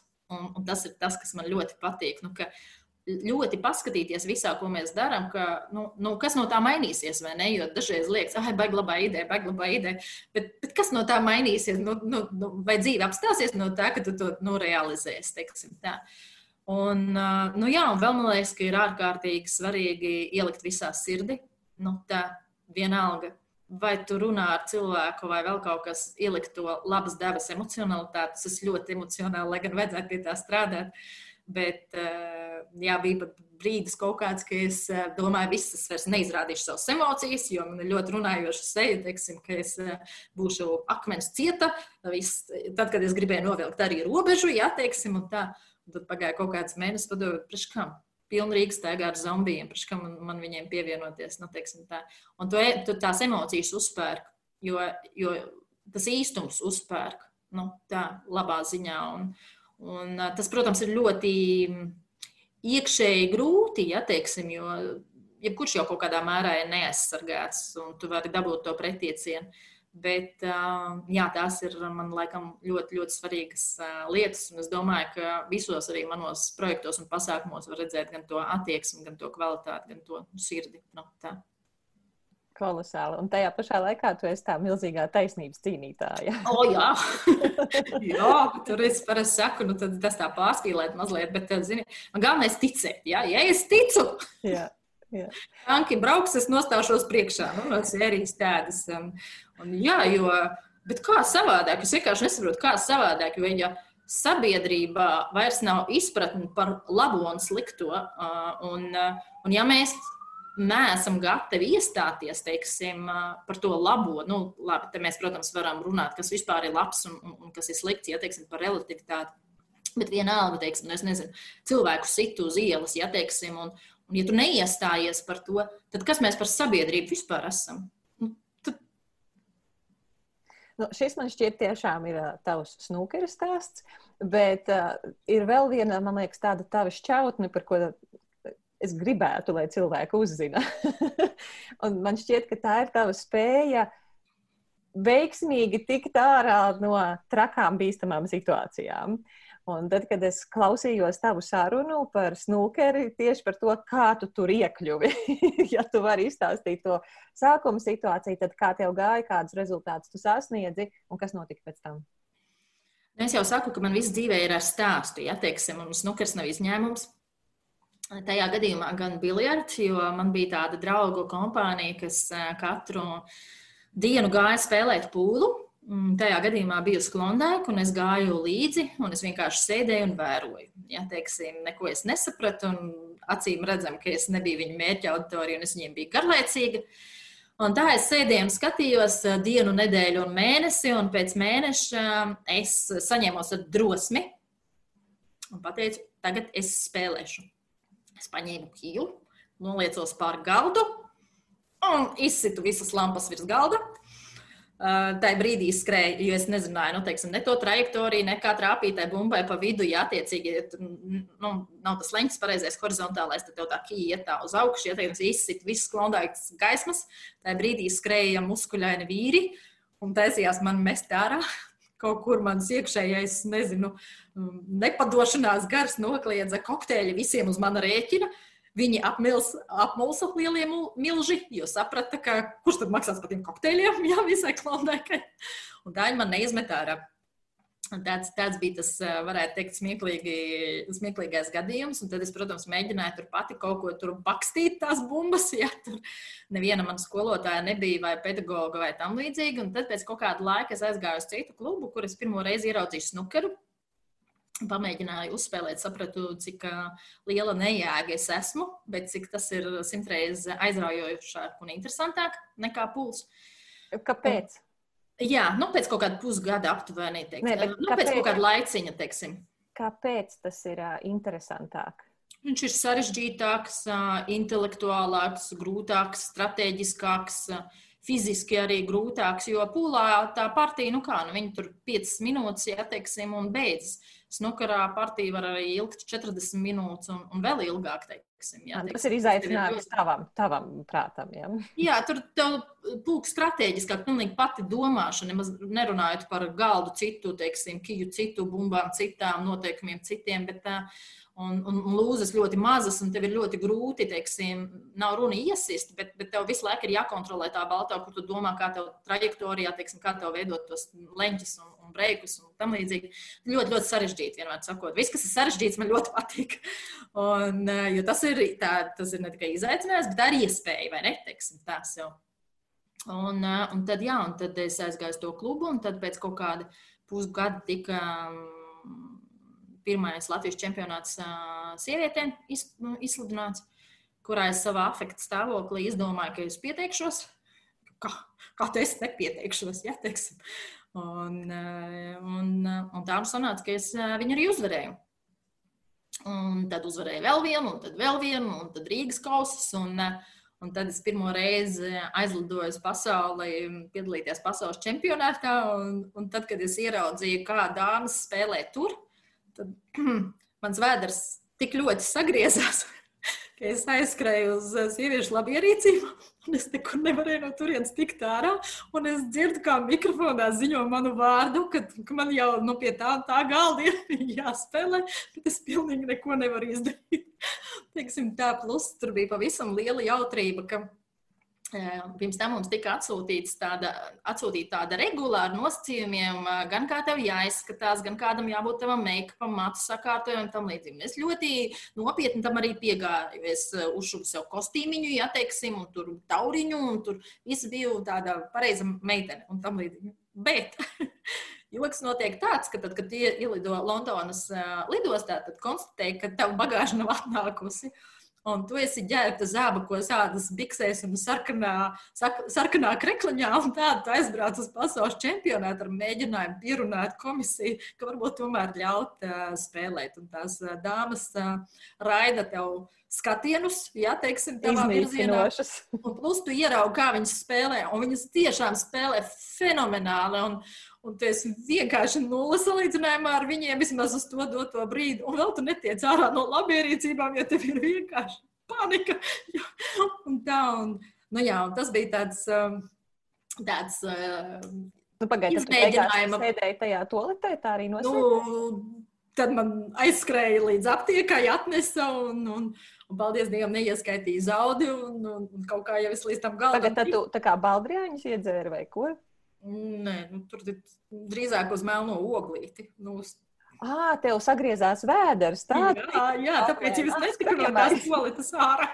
Es domāju, vienkārši tu tur slēpies. Nē, nē, man burtiskā nozīmē, es nekur nevarēju aiziet. Bez apģērba nu, kā piemērota. Jā, es biju tajās ādas biksēs, zābakos, sarkanā krekliņā un jā, ar citām sekām. Okay, tad, tad savāca tevi, ka tev tagad ir nobremzējusies tā caurēji, tu vismaz tiec ārā, un tad tu tā kā aizgāji godpilni izgāzties. Nu, Jā, es gāju, nē, nu, es gāju mēģināt spēlēt tiešām labāko, ko es varu, un tik slikti jau nebija. Es gan visām zaudēju, bet, nu, nevienmēr, zini, rezultāts atspūgļo spēles gaitu, vai ne, teiksim tā, jo. Bet, bet, protams, es visiem zaudēju, un, un tad es atceros, ka es izgāju ārā, apsēdos turpat tās Svindona, man liekas, tā bija uz Svindonas ma Mauriņa. Ja? Un, uh, un tad es domāju, man ir tikai divi ceļi. Ja? Vai nu mēs šitam visam ar roku, ar roku vai nu braukt trenēties. Pati mīļa, kur es izvēlējos variantu. Skaidrs, tevi zinot, protams, ka tu trenējies. Bet Jā. pēc, tā trakā, pēc tās trakās, nu, savā ziņā sakāves, Tev tu neraudāji? Es neatceros, varbūt arī kaut kad raudāju. Es jau ik pa laikam raudu. Nu, teiksim, man pasaka kaut ko šausmīgi sirsnīgu, šausmīgi sirsnīgu. Komunikators saka, šausmīgi sirsnīgu. bet, eh, bet jā, es arī tas man var ļoti aizkustināt, jo man aizkustina īstums. Nu, tā, īstas emocijas, patiesums. Es neatceros tiešām, es atceros, kā es sēdēju tajā zālē Bet, bet, bet varbūt arī bija katrā ziņā par snukeri ļoti daudz asaras raudātas gan par taisnību, gan par netaisnību, gan par uzvarām. Nu, tas ir sports. Un, un sportā jau vispār, ar ko sports ir fenomenāls, ar to, ka ļoti bieži uzvar ne tas, kurš, kuram vajag. Ja? Nu, kuram pēc priekšrakstiem tā uh, uzvara jau zvaigznēs ielikta, ja teiksim tā. Jo, uh, Jo vien ļoti bieži izšauju kāds outsiders, ja teiksim, tāpēc ka kāda vēlme uzvarēt ir spēcīgāka par viņu bailēm zaudēt. Un tas ir mega faktors, kas var ietekmēt rezultātu, un ar to arī tas sports ir tik aizraujošs. Un tad tajā brīdī tev tas lēmums spēlēt bija vairāk balstīts uz to, ka tev gribas spēlēt, ja tas bija arī, nu, kad tev ir jāatgūst pašai savs vārds savās acīs, kad šitā tas viss nebeigsies. Es pieļauju kābi, bet, protams, ka tas vairāk bija mīlestība pret snukeru. Man, man vēl joprojām ļoti patīk, un es vispār uzskatu, ka tas ir ārkārtīgi inteliģents sporta veids. Un, uh, Un, jā, man, man, man vienkārši ļoti, ļoti patīk, jo tas ir tas, ko es arī saku, ka ir jādara tas, kas patīk, tā, un tad arī tie rezultāti ir savādāk. Tad tu arī vari vairāk piespiest sevi, tad, kad tev galīgi negribas, jo, jo tie treniņi jau būsim reāli. Mm, mums jau nebija, man nebija kaut kāda tāda treniņu programma, nometne vai atbalsta komanda izveidota, kas man varētu tos apstākļus, varbūt tās tādus, nu, teiksim, veiksmīgākus padarīt. Ja, teiksim, man nekad nebija bijis treneris, ja, teiksim, man nekad es neesmu finansēta, piemēram, par visiem tiem trakajiem braucieniem, Eiropas, pasaules, ne, ne lidojumi, ne dzīvošanas, ne vēl kaut kas. Protams, ka man to vajag teiksim, pašai nopelnīt ar savu darbiņu, ja teiksim, tā situācija ir tāda, ka tu strādā līdz kādiem astoņiem vakarā, nu man bija, ja teiksim, tad tu ap 9 pus 10 esi klubā, tu līdz kaut kādiem 12 trenējies, tad tu brauc atpakaļ, vienos esi mājās, un tad tu sešos atkal celies, lai atkal brauktu uz darbu. Un, protams, ka tas ir nu, nenormāli, tāpēc ka tas prasa ļoti lielu nu, fizisko spēku, un, un sportists nevar paralēli būt arī citā nu, teiksim, darbā. Bet, bet nu, tāda tā situācija bija, un jā, tas ir. Tas, tas ir ļoti jāmīl, lai, lai tik ekstrēmi ieguldītu sevi tajā. Un arī beigu beigās tīri finansiāli, jo viss, ko tu nopelni, pat vēl vairāk tu ieguldi iekšā tajos braucienos, un tu jau ar tām, ar tas balvu fonds, viņš tev nesedz, pat, pat ja tu uzvari, viņš pat mazu daļu nesedz no tā visa, lai saprastu. Tas nav tā, ka, nu, kad tu uzvari, nu, tad tu, tu tur atpelni, ja, teiksim tā. Tā, ja jokam, tad es vienreiz kaut kā, es atceros, pirms daudziem gadiem sāku skaitīt nu, tos braucienus, un tā, Es tā sabojājos garsies. Oh, pilnīgi nenormāla sieviete. Taču būtu normāla Mercedes, es jau nopirkusi par to. Bet tas, protams, ka nu, tāds, tā, tāda mirkļa, bet, protams, ka sportā ir bijuši ļoti daudz arī ļoti, ļoti, ļoti daudz prieka. Bet tagad izstāstīja, nu, tu nolēmi, ok, es, es uzlabošu savu spēli. Mhm. Tad cik bija kaut kādi nu, tas laiks līdz nākošajai spēlē, kur tu jūties sevi rehabilitējusi? To gan es neatceros. To es nepateikšu. Bet tad, vismaz, bet tad vismaz kādus tos panākumus tu sasniedz beig beigās? Mm, nu, pirmkārt, ir atskaites punkts, pat ne vieta, ko tu ieņem, kas, protams, ir jauka, un es esmu bijusi Eiropā, medaļiste un, un tam līdzīgi. Bet, manuprāt, vai tu tajā spēlē izdarīsi maksimumu, ko tu varēji? Nu, tas ir atskaites punkts. Atskaites punkts ne tikai tavām spējām, bet arī tavam gara spēkam. Nu, jo man bija, piemēram, tāds, ir tādi mači, kurus tu nekad neaizmirsīsi. Nu, tas ir līdzīgi kā kaut kādas sajūtas pasākumā, tu, vai situācijas, kur tu nekad neaizmirsīsi. Ja? Man bija tāda spēle par kvalificēšanos ceturdaļu finālam ar vienu beļģieti, kura bija ārkārtīgi spēcīga. Ja, teiksim. un mēs ar viņu spēlējām līdz divām uzvarām. Un viņa bija viens no vadībā, un, un jau tev ir stress, ja, tāpēc, ka nu, tur.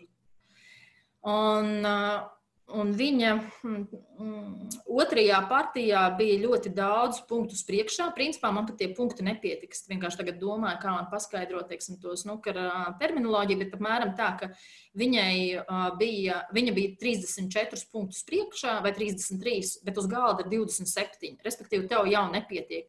Tev ir jā, jāprovocē savs, nu, teiksim, caur spēli, es domāju tavs pretinieks kļūdīties, lai tu vēl papildus punktus varētu teiksim, dabūt.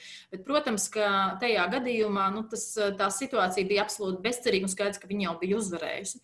Un tad es ne tikai uzliku viņai tos snukarus, daļai kā viņa netrāpīja, viņa vēl trāpīja pa augstas kategorijas bumbu, lai es dabūtu vēl papildus punktus, teiksim. Un pēc tam es nu, mēs parasti sakām, notīrīja galdu un tādā ziņā sasitu visu, vinnēja to partiju un vinnēja nākamo.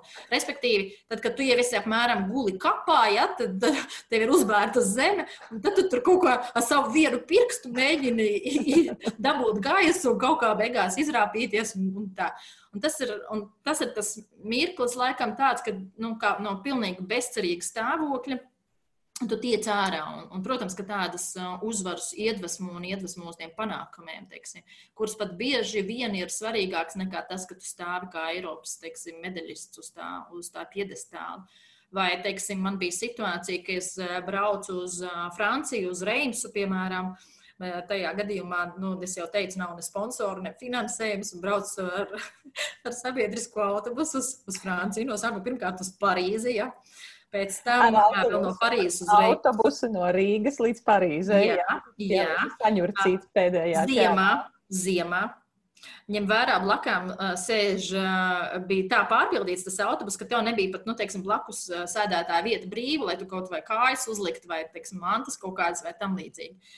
Tad mēs vēl trāpījām kaut kādā ārkārtīgā sastrēgumā Beļģijā, kur mēs vēl papildus sešas stundas. Vienmēr sakot, es, es nezinu, vai 34 vai 40 pāri, un bija ļoti daudz stundas, ko mēs braucām. Un tad es iebraucu Parīzē. Tad man no Parīzes vēl vajadzēja tikt līdz Reimsai, kas ir apmēram 100 km. Un tad, kad es tur biju nonākusi kaut kādos, nezinu, trijos vai četros no rīta, Tad tā vietā, lai es ietu gulēt, es paņēmu kiju un mēģināju atrast klubu, ja tur, kur notiks tās sacensības, vismaz stundu pamēģināt. Jo ļoti svarīgi nu, teiksim, to galvu saprast, jo ir dažādi un, un audums, kā slīd un, un tam līdzīgi. Un, es, un, un tas bija divu dienu tikai turnīrs, respektīvi ļoti intensīvs. Un toreiz tas bija viens no maniem labākajiem turnīriem un sniegumiem. Es ieguvu trešo vietu, vienkārši fiziski vairs neizturēju. Tas bija ļoti smagi. Bet tad es padomāju, jā, ka tad, kad es tik ļoti pārguris, ja, teiksim, tad uh, tev jau nav ar ko nervozēt. Ja, teiksim, tas ļoti palīdz. Nu, tā, jo tas vienkārši atdevis visu jau. Un, un, un, un tā, jā, un tā ir tā mīlestība pret snukeru. Tas, um, tas ir tas, kas uh, laikam ir daudzreiz vērtīgāks par to medaļu. Lai gan medaļu, protams, ir daudz. Bet ko tev snukers ir devis tavām spējām attiecībā uz darbu, piemēram? Kā tu, esi, kā tu esi ieguvusi no snukera bez paša snukera spēlēšanas prieka? Man jomām? to bieži jautā, un man ir ļoti grūti atbildēt, jo noteikti, ka tā ir, bet uh, man ir grūti teikt, protams, ka noteikti ka tā ir strateģiskā domāšana, protams, ka uh, tā ir izturība, tā ir nepadošanās, jā, um, tā vēlme, lai tā vēlme uzvarēt ir spēcīgāka par tām bailēm zaudēt, kas mans mīļākā, mana mīļākā frāze. Droši vien, ka vēl ir Bet, bet tās, laikam, ir tās nu, galvenās lietas. Jā. Un, Ines, vai tu vari padalīties ar snukera kauju stāstiem, ja tu esi ar mieru. Es nu, kā kauju stāstī. Tie kauju stāsti jau ļoti bieži ir daudz, ja teiksim, tad, kad es. Ne, es, domāju, es domāju tieši to situāciju, kur ar tevi izrīkojās līdzīgi kā tavā darbā. es sapratu, bet eh, par tām kaujas situācijām es eh, varbūt eh, iesākumā tādu mazo, pavisam īso stāstu, ka, teiksim, tad, kad es sāku spēlēt, piemēram, tajā gadījumā bija pulsnis atnācis uz kaut kādu čempionātu, pat pati nesapratu, ja, teiksim, jo Latvijā spēlē ar kungiem nu, kopā. Tajā laikā ir sevišķi. Un tad es vienkārši atnācu pieteikties. Man bija svarīgi uzspēlēt, un izrādījās, man tur kaut kāds ārprāta čempions tur spēlēja kungs ļoti gados pretī. Tad mēs spēlējām līdz piecām uzvarām. Mums bija 4-0 vadībā, un tajā brīdī viņš meta kiju pār galdam, no, nosunot man pēdējiem vārdiem. Un, protams, ka nervi neizturēja un es aizgāju projām. Ja? Tā tās kaujas ir dažādas bijušas, bet Tavs jautājums attiecībā drīzāk ir par to konkurenci, ka tā konkurence nevienmēr ir nu, tāda godīga. Un arī manā gadījumā man ir trāpījušās meitenes, vai īpaši viena meitene, teiksim, kas bija gatava darīt jebko, lai tikai es nespēlētu, teiksim, uh, Un tam tika izmantoti kādi nu, teiksim, līdzekļi, sauksim to tā. Un, mēs vienmēr zinājām, ka mēs satiksimies nu, teiksim, vai pusfinālā vai finālā, jo viņi ļoti labi spēlētāji, teiksim, es esmu ļoti labi spēlētāji, vismaz biju, tad, tam esmu atgājusi teiksim, nostāk. Bet eh, tajā periodā nu, es biju daudzkārtēji nu, teiksim, Latvijas čempions, tad ir tas variants, nu, kādā veidā tu teiksim, vari uzvarēt. Nu, teiksim, tā, tad es um, nekad neaizmirsīšu, ka mums bija viens leģendārs Rīgas kausa. Uh, teiksim, um, tas bija kvalifikācijas tātad grupas spēle, kur mēs ar viņu spēlējām, un tad viņi tā sāk ļoti neadekvāti uzvesties. Un, uh, Un, nu, tur gāja traki, teiksim, tika kliegts un, un solīts, ka tiks izdarīts jebkas, lai es nekad nespēlētu. Un, un, un tā. Un tas, tika zvanīt, protams, pēc tam arī. Tas ir, tas ir tāds paņēmiens, kā tevi kā izsist no līdzsvara, lai tu spēlētu. Jā, protams, pasaulē gan to ļoti, teiksim, ātri apkarotu. Nu, tā, jo, protams, ka ir kaut kādi sportiskie normatīvi un ētika un, un tā tālāk. Bet, protams, mums tas tā nenotika. Vismaz tajā gadījumā nu, noteikti nenotika. Bija tā, ka es pat prasīju tiesnešiem iejaukties. Nu, tā, bet, protams, ka tas tev var izsist no līdzsvara. Tas it sevišķi, ja vēl cilvēks jūtās gana spēcīgs, teiksim, nu, ka viņam ir tie resursi vai instrumenti, kā viņš pēc tam tevi var ietekmēt, tad tur jau tās slūžas ir ļoti, ļoti iet vaļā. Nu, Un arī tajā gadījumā gāja vaļā. Es pat laikam neapzinājos to draudu sekas, sauksim to tā. Bet, un, un tad tā represija un visādas darbības tika veiktas ļoti daudzu gadu garumā. Tā, mēģinot mani gan izslēgt no federācijas, kad es uzzināju tikai no laikrakstiem, pēkšņi, ka es esmu izslēgta. Man pat nav saprašana, par ko es esmu izslēgta. Tad tur ir safabricēts viss iespējamais, teiksim, paslēp, paslēpts zem ētikas normu pārkāpšanas, lai gan ētikas kodeksa vispār nekad nav bijis uzrakstīta, un tad ātri viņš tiek uzcepts un tā tālāk. Nu, visādi šādas darbības, bet, bet ja noslēgt uz tādas pozitīvās laikam nots, tad es atceros to, par, par to pašu Rīgas kausu, ka es zināju, ka mēs ar viņu satiksimies finālā. Un, un man bija ļoti bail no tā fināla, jo es zināju, ka nu, es jau teicu, ka es esmu diezgan liela taisnības mīlētāja. Man liekas, nu, es nespēju pat ar viņu spēlēt, tāpēc es zināšu, nu, ka tas, tas nav godīgi. Nu, teiksim, es, es nespēju sakoncentrēties. Es domāšu tikai par to nu, pārdarījumu, kas ir izdarīts. Un tajā finālā es viņu uzvarēju ar rezultātu 5-1. Es neatceros, kad es sportā esmu bijusi tik laimīga. Jo man liekas, ka, ja godīgi, tad tās pirmās piecas minūtes pēc uzvaras es biju kaut kādā virslidojuma, kaut kādā kosmiskā stāvoklī, ka es pat laikam nedzirdēju, kas tur īsti notiek un tam līdzīgi. Jo, uh, jo tā nebija uzvara, nu, kā, kā kauss vai kā, kā medaļa. Tā man likās, ka ir uzvara, nu, tāda taisnība par ļaunajiem spēkiem, lai cik tas banāli arī neizklausītos. Un, uh, jā, tajā brīdī man likās, ka pasaulē varbūt tās tomēr ir kaut kāda taisnība. Bet tad tagad man tāds loģisks jautājums ir, kāpēc tu tagad nespēlē gadu? Dēļ biznesa, dēļ nu, uzņēmuma, teiksim, tīri no laika viedokļa, un varbūt arī tā motivācija ir mazliet arī zudus, protams, jo, jo tev ir tam nu, jāinvestē kā jebkuram sportam daudz, ļoti, ļoti laika, teiksim, treniņos, jo, kā jau es teicu, esmu diezgan liela perfekcionistu. Man neapmierina iet vienkārši piedalīties piedalīšanās pēc. Tad es varu vienkārši draugiem, nu, teiksim, uzspēlēt savam priekam. Ja es eju, tad es gribu arī nu, kaut ko sasniegt, nu, tā, lai man vismaz pašai nav kauns, nu, teiksim, pašai no sevis, nu, ko es tur vispār daru, bakstos. Ja? Un, un tas ir tas, jo, protams, ka ir gan ģimene, ir, ir darbs, ir, ir pasaules projekti, ir, es esmu iesaistījusies ļoti daudzos labdarības projektos, un ik brīdim viņus arī rīkoju vienkārši pašiniciatīvas vadīt, un es tāpēc, ka man kāds prasa. Un, Un, un ļoti bieži man tajā citu kontekstā saka, nu, ka tu tādus labus darbus dari, bet es domāju, ka drīzāk, es nezinu, ja es palīdzu tiem bērniem, ka tie bērni vairāk man dod nu, nekā, nekā es viņiem. Tas, tas ir tas dodot gūtais neatņemams. Un, un vēl visādas daudzas lietas, es uzstājos ar lekcijām un vēl vadu bienai. Un, Un vienkārši, nu, kā nesen teicu, bet Ines jau ir tikai viena nu, teiksim, no tāda viedokļa. Tas ir tas galvenais iemesls, bet es neatmetu cerību, ka kādreiz es varētu turpināt uh, spēlēt. Katrā ziņā ik pa brīdim kāds mani mēģina izprovocēt, ja tā teikt, challenge, aicināt. Es neesmu pret challenge, pat ja es tur gadu neesmu neko darījusi. Es tev noteikti jautāšu par BNI, par networkingu, vēl par reputāciju gribu tev prasīt. Bet pirms tam būtu grēks nejautāt tev par to, kā tu iedvesmojies, jo tavs darbs ir uber kreatīvs. Un snukers, man liekas, nu, tā tāda vieta, nu jā, tu tur tā baigi konkrēti, tā skaidri domā. Un tu teici, ka viens no iedvesmas avotiem tev ir ceļošana, un tu sacīji, mums noteikti jāparunā par Sīrijas ceļojumu. Tavi ceļojumi ir netradicionāli, cik es saprotu. Un tad izstāsti gan par netradicionālo, bet īpaši par Sīriju, lūdzu. Jā, es tiešām esmu ļoti, ļoti kaislīga ceļotāja, un es neesmu, zinu, tāda all-inclusive cienītāji, nu, kur nezinu, man šķiet, aizbrauc. Man šķiet, ka mūsu auditorijā ir ļoti daudz tādu ceļotāju kā tu. Nu, teiksim, Jā, tas, tādu attieksmi, ar attieksmi, ar attieksmi.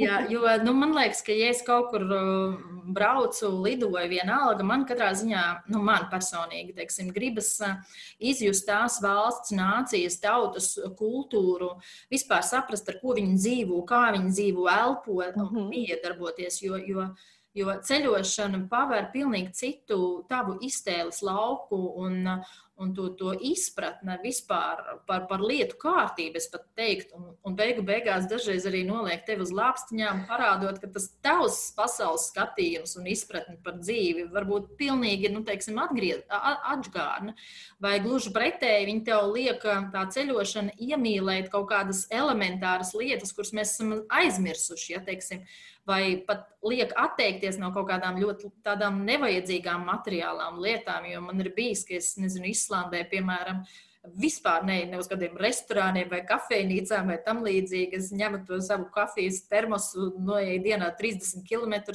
apsēžos uz kaut kādas klīnas malas, ja teiksim, un es esmu, man liekas, ka es sēžu un ēdu kaut kādā Michelin restorānā. Un, un bez, nu, tādā ziņā, ka, lai gan es esmu liels gastromīlis un, un tam līdzīgi. Respektīvi, uh, ka viņš liek mums paskatīties pirmkārt savādāk uz pasauli, tā pati ceļošana, un, un uh, brīžiem jāatteikties no kaut kā liekā.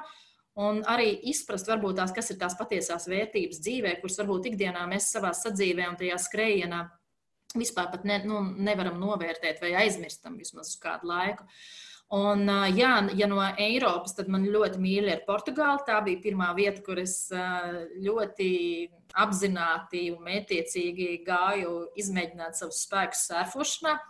Tur arī bija ļoti daudz interesantu stāstu. Tikai pateikšu pavisam īsi, ka man bija brīnišķīgs instruktors, kurš teica, tā, tur tu nesērfoji, ja tur tu arī nesērfoji. Es saku, ah, tur ir rifi, ja tur ir klīns, tur ir bīstami.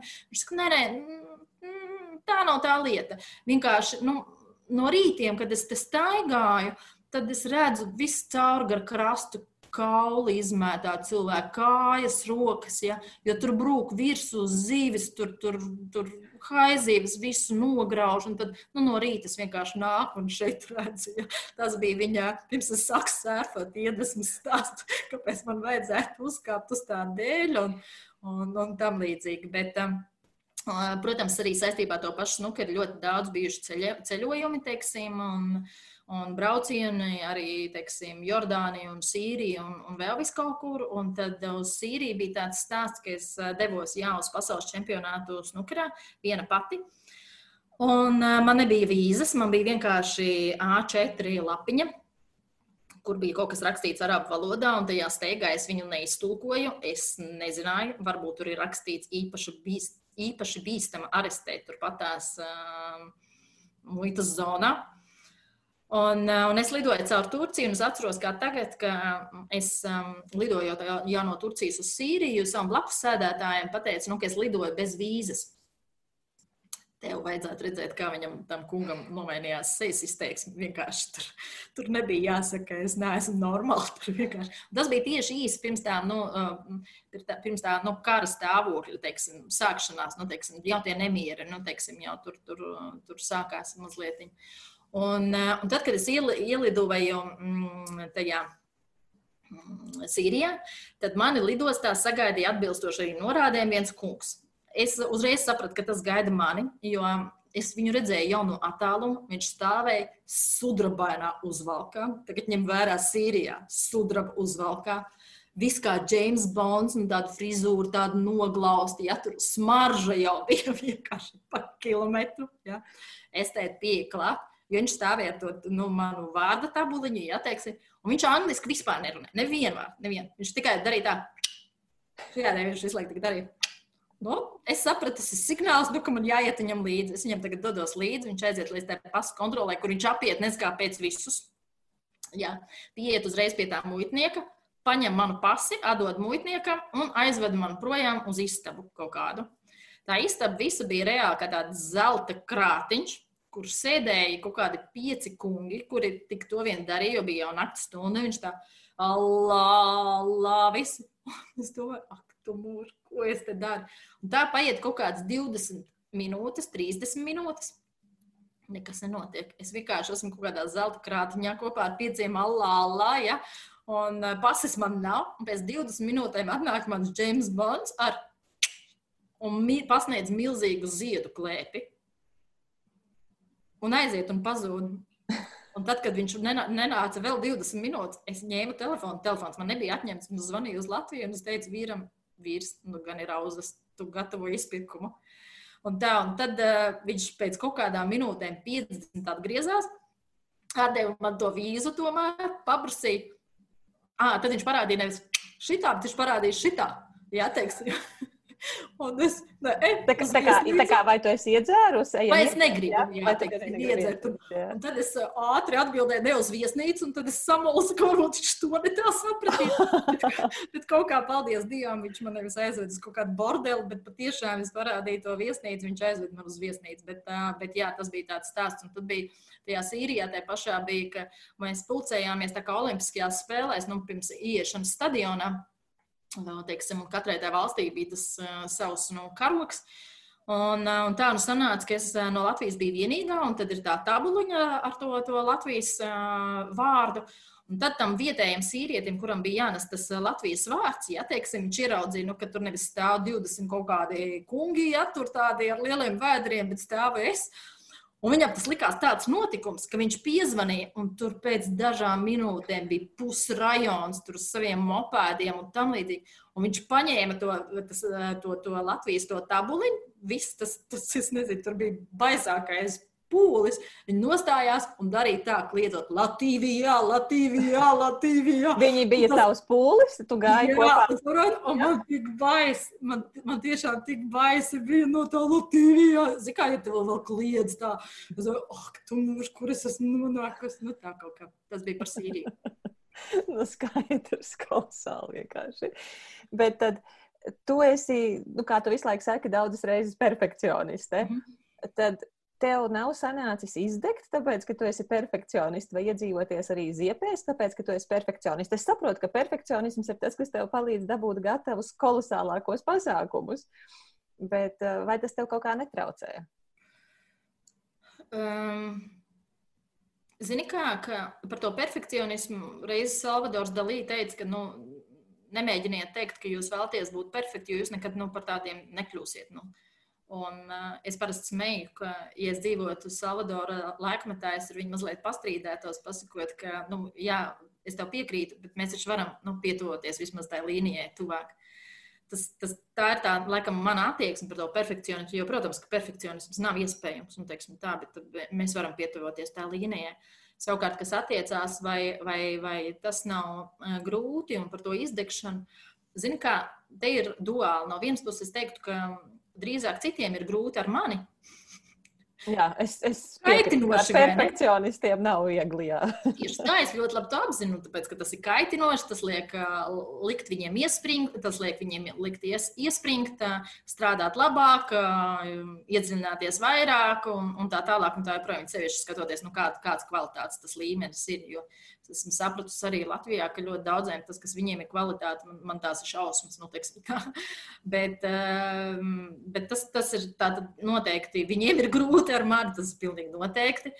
Bet tā pašā laikā, protams, ka man uh, ir grūti no tā viedokļa, pat nevis tāpēc, ka man visu laiku ir jāņemās un jāmēģina pierādīt. Un tagad, protams, ka mazāk, jo tā nu, komanda vienkārši ir izveidojusies tāda, un tas vārds ir izveidojies. Bet, uh, Bet um, drīzāk man grūti, tāpēc ka es esmu ļoti arī paškritiska, super paškritiska. Un es esmu tādā mūžīgā neapmierinātības stāvoklī, nu, teiksim, tā ar sevi. Ja, teiksim, jo... Es viņu pazīstu, es to drāņķa stāvokli pazīstu. Ja?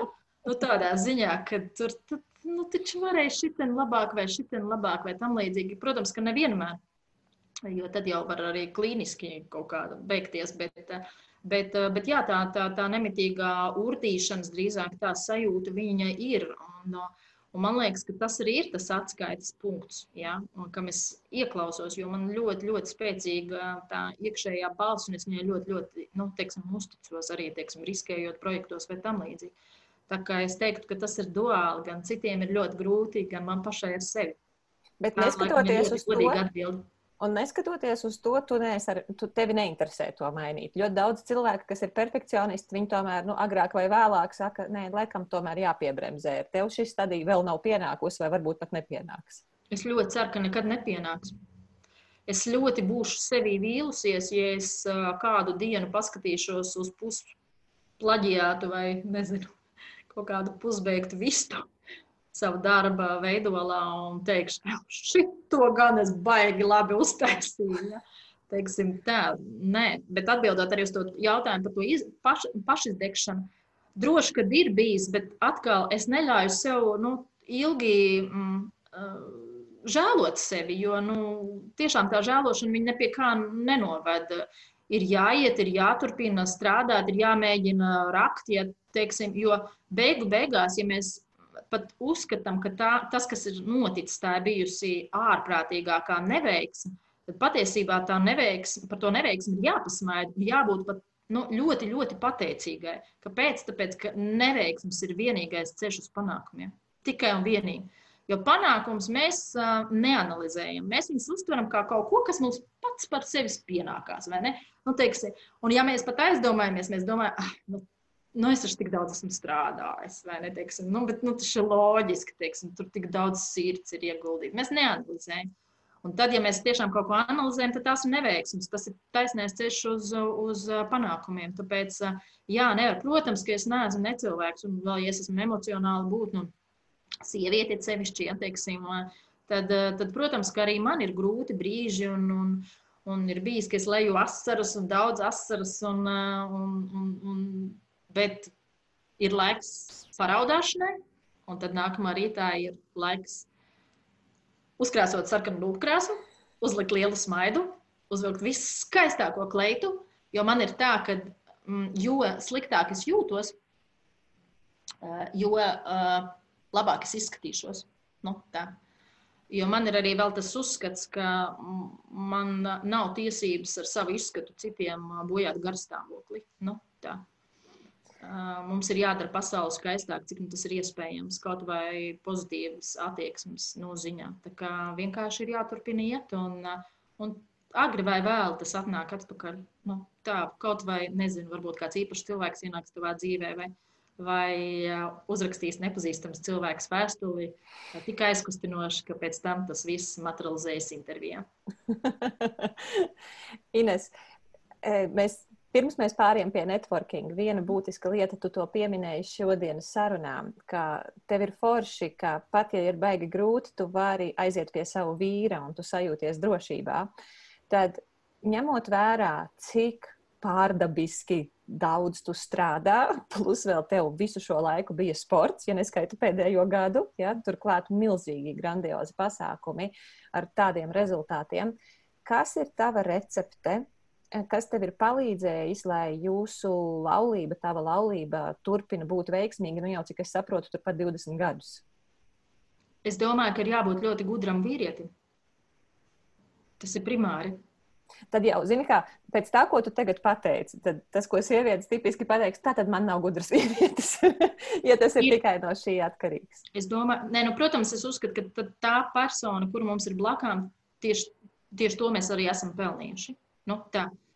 Uh, ja godīgi, jo es vienmēr saku, ja tev kaut kas ne, neapmierina, nu, tad maini. Nu, tā. Uh, jo mēs varam būt uh, savas dzīves noteicēji, vai mēs varam būt mūsu prāta upuri. Nu, tā, tas ir līdzīgi kā, nezinu, tu ej gar upi un tu, tu, tu vienkārši skaties, kā tā strauma tek, vai tu arī mēģini vadīt to straumu, pat ja tu, nu, nezinu, nejauši iekrīt viņā iekšā. Es domāju, ka visām tie vīri ir uh, kaut kādā mērā lieliski. Jautājums tikai, vai mēs to spējam saskatīt. Līdzīgi kā es uzskatu, ka pilnīgi visas sievietes ir skaistas. Jautājums tikai, vai mēs to spējam saskatīt. Ja, tā. Tā kā, bet primāri, jā, es tiešām uzskatu, ka ir jābūt ļoti, ļoti gudram uh, vīrietim, uh, lai būtu kopā ar mani. Mm, viņš man saka vienmēr, ka es esmu ļoti gudra, bet es saku, ka viņš ir gudrāks. Un, jā, jo gudrība arī tādā kontekstā es vairāk domāju kā tāds dzīves gudrs. Nu, kad viņš zina, kad, kad sieva jāliek mierā, vai kad uh, nevajag likt viņai ierobežojumus, vai gluži pretēji, kad vajag pateikt, tā sieva tagad ieelpo. Jā, teiksim, tā. Un tur, tur ir tā, tas dzīves viedums. Nu, tā, viņš man ir ļoti, ļoti dzīves vietas. Otrs, man liekas, ka ir ļoti svarīgi nevis dzirdēt, otru, nevis ieklausīties, bet tiešām sadzirdēt otru. Nu, tā, vienalga, kādā jautājumā. Nu, tas, ir, tas ir arī tāds cieņas jautājums nu, pret otru un, un rūpes, un tur ir vesela tāda nu, īpašība gama. Vēl man liekas, ka arī ir ļoti svarīgi veidot savas tradīcijas. Nu, tā, mēs katrā ziņā par savējām lūdzu. Ļoti kultivējam, un mums tās intereses arī, mēs esam ļoti atšķirīgi temperamentos, teiksim, bet mums tās nu, dzīves vērtības kaut kā sakrīt. Un mums arī, teiksim, sakrīt hobiju vēlmes vai tam līdzīgi. Mēs abi esam kaislīgi ceļotāji, teiksim, tā, bet, bet jā, tās tradīcijas ir jākopja, manuprāt, un neko nedrīkst atstāt pašmū, pašplūsmā. Zinu, ka tas izklausīsies skarbi, bet arī pie attiecībām ir nu, jāstrādā. Tas arī ir kā darbs. Un, un tad, ja tas iesies, tad tas vairs nebūs darbs. Liksies nu, kaut kas ļoti dabisks, un tās tradīcijas var būt kā sanākšana svētdienā, teiksim, kopā, kaut kā kopā gatavošana. Mēs, piemēram, svētdienās gatavojam, ja, teiksim, kaut kādas jau teica, ka es esmu liela gastronomija un labi gatavoju tiešām. Vienkārši tā laika ir tik, cik ir, vai, vai teiksim, tas ir izbrauciens dabā, vai teiksim, vienkārši sākt rītu ar labu vārdu un arī noslēgt dienu ar labu vārdu. Izsakot, tā ir nevis vispārīgi. Tradīcija. Tā ir jūsu tradīcija. Jā, tā, jā. Tātad, visas. Nu, tas vakars, kā viņš noslēdzās. Tieši tas mēs, uh, mēs uh, sakam kaut ko ļoti personisku, kādu ne, negribētos lietot vārdu komplimentu, jo es parasti saku, tas nav kompliments, tā ir taisnība. Uh, bet uh, kādu nevis vispārīgu teiksim, lietu, bet ļoti nu, personisku. Jo man tas uzskats ir, ka, lai kāds stress uh, būtu bijis dienas laikā, vismaz aiziet gulēt, mums jāiet ar pozitīvu noti. Nu, tā. Tad tas, ko jūs viens otram izsakat, sanāk, ir atzinība kaut kāda veida. Jā, vai vienkārši sajūta. Mhm. Sajūta par, nezinu, par otru. Nu, tā. Un tad no rīta? Un, un no rīta tieši tāpat tās, teiksim, galvenais tās nevar būt tādas vispārīgas, nu, teiksim, lietas. Nu, cik jauka diena. Mums skaidrs, ka viņi ir jauka diena, ja, teiksim tā. Uh, Bet tas līdzīgi kā tas mūžīgais banālais stāsts, kad nezinu, vīrietis saka, cik tev skaista kleita. Nu, ja tu saki, cik tev skaista kleita, tu jau tam dizaineram izsaka komplimentu, nevis tai sievietei. Tev jau jāsaka, ir, cik tev tā kleita labi izskatās. Nu, teiksim, tā.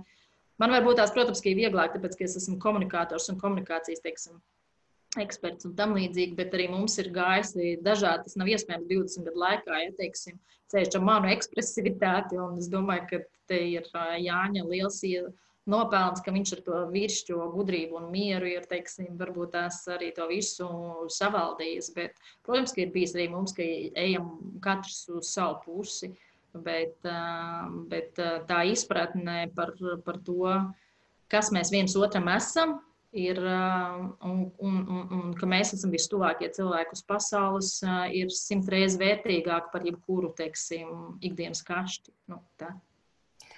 Ines, tad, kad es veids, kā es pie tevis nokļuvu, kā jau es sākumā teicu, bija caur uh, tā klipa noskatīšanos, kas ir behind the, the spotlight. Un beigās parādās tava uzņēmuma nosaukums, un tur ir tādi vārdi uh, - reputation management. Mm. Uh, kāpēc tu izvēlējies tieši reputation management, reputācijas vadība? Kāpēc tieši reputācija un, un, un ko tu pārējiem vari nu, tādu vērtīgu iedot attiecībā uz izpratni par reputāciju? Nevis kas ir vispār zināms, bet kaut kas ļoti konkrēts, ko tu uzskati cilvēku šo par maz zina. Patiesībā cilvēki par maz zina elementāras bāzes lietas. Jo, ja mēs paskatāmies to evolūciju, tad nu, sākumā ir sabiedriskās attiecības, ja teiksim, kuras, ap citu, vēl joprojām nesaprot, kas ir pieres, ja teiksim, jo public relations daudziem asociējas, nezinu, vai pateicoties filmai Seks un Lielpilsēta, ja, kur tur uh, samāta bija ar šampaniešu glāzi visās balītēs, pirmajās rindās, un tad uzskatīja, ka tas ir tas, vai, vai vienkārši zīmēšanās glancētos žurnālos, lai cik tas banāli izklausītos, vēl joprojām uzskata, ka tās ir sabiedriskās attiecības, ja nevis, teiksim, sabiedriskās domas veidošana, formēšana, izpratnes veidošana, tam līdzīgi. Tad tālāk jau bija at attīstītāks un tāds plašāks um, spektrs gan no instrumentārija Lūk, ir komunikācija. Nu, teiksim, tāpēc arī ir nu, sabiedriskās attiecības daudzas ir nu, jau komunikācijas aģentūras. Viņš, viņas, teiksim, vismaz sevi, ja ne pārkvalificējušās, tad vismaz, nu, teiksim, sauc. Jo tas piedod plašāku instrumentāriju loku, teiksim, ko tu vari izmantot. Teiksim, tā un arī nu, tā konceptuāli. Bet, protams, ja mēs skatāmies nākotnē, tad, tad nākamais līmenis ir tā reputācijas vadība. Jo uh, Jo, jebko mē, ko mēs darām, teiksim, ikdienā, vienalga, vai tas ir iekšējās komunikācijas vai ārējās komunikācijas līmenī, tas jau ietekmē mūsu reputāciju. Jautājums tikai, vai mēs to nu, apzināmies vai neapzināmies. Vienalga. Sākot no elementārām lietām, kā mēs runājam, kā mēs izskatāmies, kā mēs sevi pozicionējam, ja, teiksim, līdz pat jau kaut kādam publiskajam tēlam, teiksim, un zīmolvedības. Nu, tā.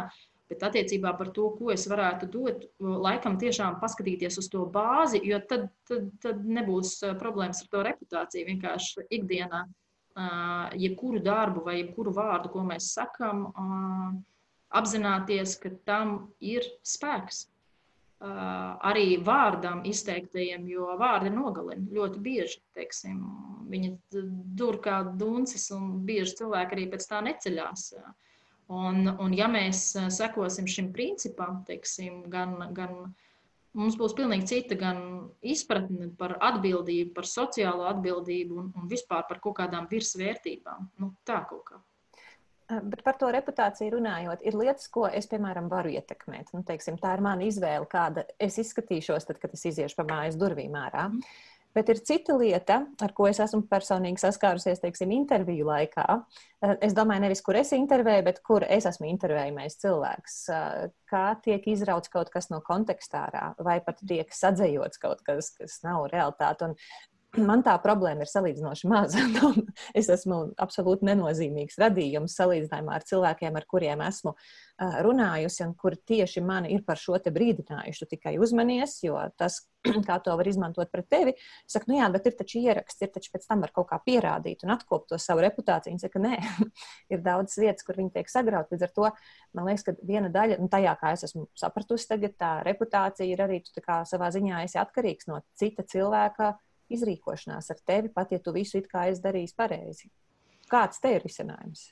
Es teiktu, ka lielā mērā tu vari to kontrolēt.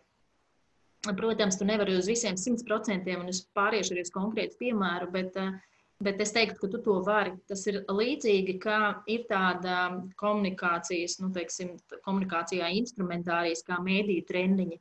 Ja? kur reāli tiek um, trenēta šī konkrētā persona, kā runāt, piemēram, ar žurnālistu. Ja? Un tad tur tie mēdīņu treniņi iedalās ļoti mm, dažādās uh, sarežģītības pakāpēs, ja? atkarībā saku, no izvērtības līmeņa. Jo ir liela atšķirība, vai tas sniegs, pieņemsim, nu, nezinu, tur interviju žurnālam Santa vai de facto. Ja? Un, un sākumā parasti sāk ar vienkāršāku, un tad aiziet jā, līdz tādam nu, sarežģītākajam līmenim. Un tur tiek imitētas šīs intervijas. Ja, tas, kurš tevi apmāca, viņš ir tas žurnālists. Parasti vajag arī tādu tiešām nesaudzīgo, kurš tevi nežēlos. Tas tiek filmēts, tas pēc tam tiek analizēts. Un, un mērķis nav, es atvainojos, tautas valodā apčakrēt žurnālistu. Bet kā uh, izdarīt tā, lai es atvainojos, tevi nepārsteidza nolaistām biksēm, ja teiksim tā, vai pat kaut kādas tehniskas knifus, kā piemēram, tad, kad uh, beidzas intervija, varbūt tās, ka nevajag tagad izklāstīt visu savu, ko tu domā tur vēl, jo ļoti bieži grib vēl papildināt, vēl kaut kas, un tā kamera nav izslēgta. Ja? Vai, vai teiksim, tiek pat tādas nianses kā filmētas, teiksim, kā tu žņaudz rokas, ja teiksim, tajā brīdī, kad tev uzdod kaut kādu jautājumu un ieliek to kadru, un tu jau izskaties tā, ka tu esi vainīgs. Ja? Un tādas lietas, respektīvi, to visu var trenēt, un patiesībā es mēdīju treniņus ieteiktu tieši cilvēkiem, jebkurai publiskai personai. Ja teiksim, te nav runa, vai viņiem ir jārunā tiem žurnālistiem vai nav, bet teiksim, kas, kuriem ir jārunā teiksim, auditorijas priekšā, kuriem ir jārunā ar teiksim, kaut vai saviem darbiniekiem teiksim, vai tam līdzīgi. Jo uh, mēdī treniņš palīdz uh, labāk tev formulēt savu domu, ja, teiksim, lai, tu ne, lai tu ļoti koncentrētu spētu izteikties, uh, aiznesot līdz tai auditorijai tieši to, ko tu vēlies. Uh, Jo komunikācijā ir tas nu, teorija, un ļoti daudziem studentiem nepatīk teorijas. Es parasti saku, ka tā teorija ir tā praksa. Un tur ir tas um, princips par to, ka, tu, ja tā īsumā, ka tu uh, savā tekstā iekodē vienu domu, bet tas pretējā pusē cilvēks atkodē jau nu, savādāk. Un, pa, un tas notiek tāpēc, ka pa vidam ir pārāvums. Uh, Un tad, tad tu mācies, kā tad iekodēt to domu, teiksim, nu, gan tekstā, gan, gan formā, gan, gan, gan neverbālā kaut kādā komunikācijā, lai tevi nepārprastu, ja, teiksim, lai ne, nebūtu šī interpretācija. Un tas ir ļoti īsumā, respektīvi, tu tad vari veidot um, šo sarunu būtībā pats, nu, kontrolēt viņu, teiksim, un ir ļoti daudz instrumentāriju, kā panākt, ka tu tiešām esi, nu, liels asis, ja tā var izteikties tajā. Protams, mazs procents pastāv, ja gribēs, nu, interpretēs jebko. Ja, teiksim, tieši tāpat kā var ielikt nepareizu faktu par tevīm, un pēc tam to atsauce, bet atsauce uzliek pēdējā lapā ar tēmu romānu pieci, kur neviens neredz un tam līdzīgi. Protams, bet arī tad ir instrumentāri, kā var parādīt tevi un tavas nu, labās lietas, lai kaut kādā mērā, teiksim, to pozitīvo tomēr auru veidot. Nu, tā. Protams, ka šeit tālāk jau sadalās jautājums par to, cik gatavs, kurš strādāt ētiski un korekti, un kurš ir gatavs arī pār, pārkāpt tās līnijas. Jo, ja mēs par reputāciju runājam, tad ļoti daudz tiek veidots tas pats saucamais melnais PR, ja teiksim. Un, um, Vai tu vari paskaidrot, kas ir melnais PR? Kad ap, apzināti tiek grauta kāda reputācija, uh, tiek tam izmantoti, meklēti visādi kompromitējoši fakti, Iespējams, viņi tiek pat mākslīgi veidoti gan faktu līmenī, gan vienkārši konkrētas ainas tiek parādītas tā, ka tu nepārāk um, izskaties uh, jaukā gaismā. Kurā gadījumā ir mērķis panākt, lai apstādinātu, nezinu, kaut ko, piemēram, to cilvēku, lai viņš nekandidē uz kādu amatu, vai, vai es nezinu, vienalga, ko, vai, vai lai viņš izdara vienkārši to, ko kaut vai tu lūdz, bet tu atsakies, un tad, tad notiek šis kompromāts, un, un tad, lai tu piekāpies. Nu, tā. Es to nekad nedaru. Nu, tā. Tu minēji, ka mēdīņu treniņi ir labs instruments, un teici, ka vēl ir citi instrumenti. Vai tu vari nosaukt, kas ir tie instrumenti īpaši cilvēkiem, kas ir vadītāji amatā, kas kļūst ar vien redzamāki, kuriem visa tā ir jauna bilde? Nezinu, uz ko viņiem skatīties. Tad mēdīņu treniņi, kas vēl? Viņiem ir jābūt mērķiecīgai un strateģiskai komunikācijai. Tas ir. Ja kā, to, kā to dabūt gatavu? Nu, es, es neprasu tev tagad iemācīt mērķiecīgu un strateģisku komunikāciju, bet kur meklēt palīdzību šeit, nu, ja cilvēks, piemēram, vēl nav gatavs aiziet uz aģentūru, lai viņam to izstrādātu. Viņam vēl pietrūkst tā sapratne, ka to vajag. Es zinu, ka bieži vien, kad aiziet un mācās, tad saprot, nē, nē man tiešām vajadzīga aģentūra. Ir. Tad kur pirms? Jā, dažādi. Var, teiksim, veidot lekcijas, var uh, beigu beigās veidot kaut kādus individuālos seminārus, ja kaut vai elementāri sākumā sarunas līmenī, teiksim, lai veicinātu šo izpratni. Jo, jo primāri tur ir jābūt izpratnei. Nu, tā. un, un kas ir tās vietas, kur viņš var mācīties šo mērķiecīgo un strateģisko komunikāciju? Ir dažādas lekcijas, ir kursi. Ir kaut kas, ko tu iesaki konkrēti? Mm. Nē. Nav, okay. nu, tādā ziņā, ka es eh, neminēšu nevienu, vienkārši ļoti, ļoti nu, teiksim, daudz. Jo redz, tas ir līdzīgi kā lektori. Lektori arī atšķirās. Tieši tāpat kā mēdīņu treniņus, kuri pasniedz, arī ļoti atšķirās cilvēki. Gan pēc rakstura, gan kā viņi pasniedz sevi. Tas līdzīgi kā moderatori, vai ne? Teiksim, jo tas jau ir tas pats moderators, teiksim, mēdīņu treniņos. Tur ir jājūt un arī jāsaprot, jo komunikācija ir ārkārtīgi plašs lauks, ko tieši tu gribētu. Teiksim, kas ir tavs mērķis, tas ir, nu, kas ir tavs fokus, ko tu vēlies. Teiksim. Vai tu vēlies veicināt izpratni vairāk par savu rīcību, teiksim, lai darbinieki to vairāk izprot, vai uh, veicināt savu publicitāti, vai teiksim, tu vēlies paaugstināt informētību vai, teiksim, mazināt kaut kādus stereotipus. Tur ir jāsaprot, nu, ko tu tieši vēlies, tāpēc tas jautā, tā atbilde nav viennozīmīga. Uh mhm. -huh. Bet, jebkurā gadījumā, galvenais ir laikam sākt ar, ar izpratni, ka, ka komunikācija ir pats galvenais. Un to es nesaku, tāpēc, ka tas ir mans lauks. No nepareizas komunikācijas, nezinu, šķirās ģimenes un, un, un, un brūku uzņēmumu pat karas sākas. Nu, tā. Vai ir kādas grāmatas, ko tu ieteiktu tiem, kas pēkšņi saka, ok, nē, man tas tomēr ir jāpamācās klāt, kas tev varbūt ir noderējušas, vai ko tu redzi, kas noder citiem cilvēkiem? Viņas varbūt angliski tam nav nozīmes. Nepateikšu, lai gan es esmu milzīga grāmatu mīla, bet man liekas, ka katrā var kaut ko atrast. Es nezinu, paņemt mazo princi un tajā pat var kaut ko atrast. Ja, teiksim, es pieņemsim, nesen taisīju pasākumu brīnumzemi man nācās pārlasīt Alisa brīnumzemē grāmatu.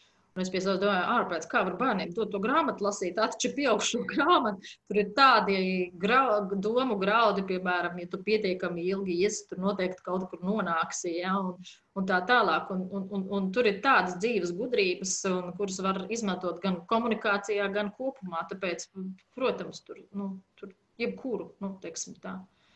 Labi, Ines, un tagad par networking prasmēm. Tu esi BNI, kas ir, ja tu pastāstīji cilvēkiem, kas tas ir?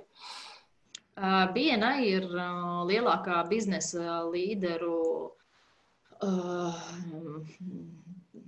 biznesa līderu klubs, teiksim, tā biznesa ieteikumu teiksim, klubs, kas apvieno uzņēm, uzņēmējus visā pasaulē. Nu jau vairāk kā 280 tūkstošus uzņēmējus, kas um, katru dienu būtībā dalās uh, savā pieredzē, ieteikumos, un tie ieteikumi noved līdz uh, darījumiem. Bet jā, tā, tā ir lielākā pasaulē uh, biznesa tīklošanās organizācija, uh, kur ir pārstāvēta arī Latvijā. Un vienas grupas prezidenta esmu es konkrēti Bienai Bērens. Vispār es diezgan liela bērns patriota un uzskatu, ka labāk par mums uh, nav. Man, starp citu, tieši ceturtdien ir jāuzstājas pirmo reizi ar uh, bērns uh, prezentāciju līderu formā. Un es tieši gan prezentācija būs citāda, gan arī es stāstīšu, cik mēs esam unikāli. Un patiesībā zem mūsu logā arī ir Bienai Bērens Simply Unique. Uh mhm. -huh. Un tad network ir ļoti svarīgi, networking spējas ir ļoti svarīgas, lai cilvēks vienkārši uh, gan saņemtu lielāku piekļuvi dažādām iespējām, ko viņš citādi nevar dabūt, gan arī nu, reāli naudas pelnīšanā networkingam ir ļoti milzīga nozīme. Tad kas ir tās galvenās kļūdas, ko tu redzi cilvēki pieļauj networkojot?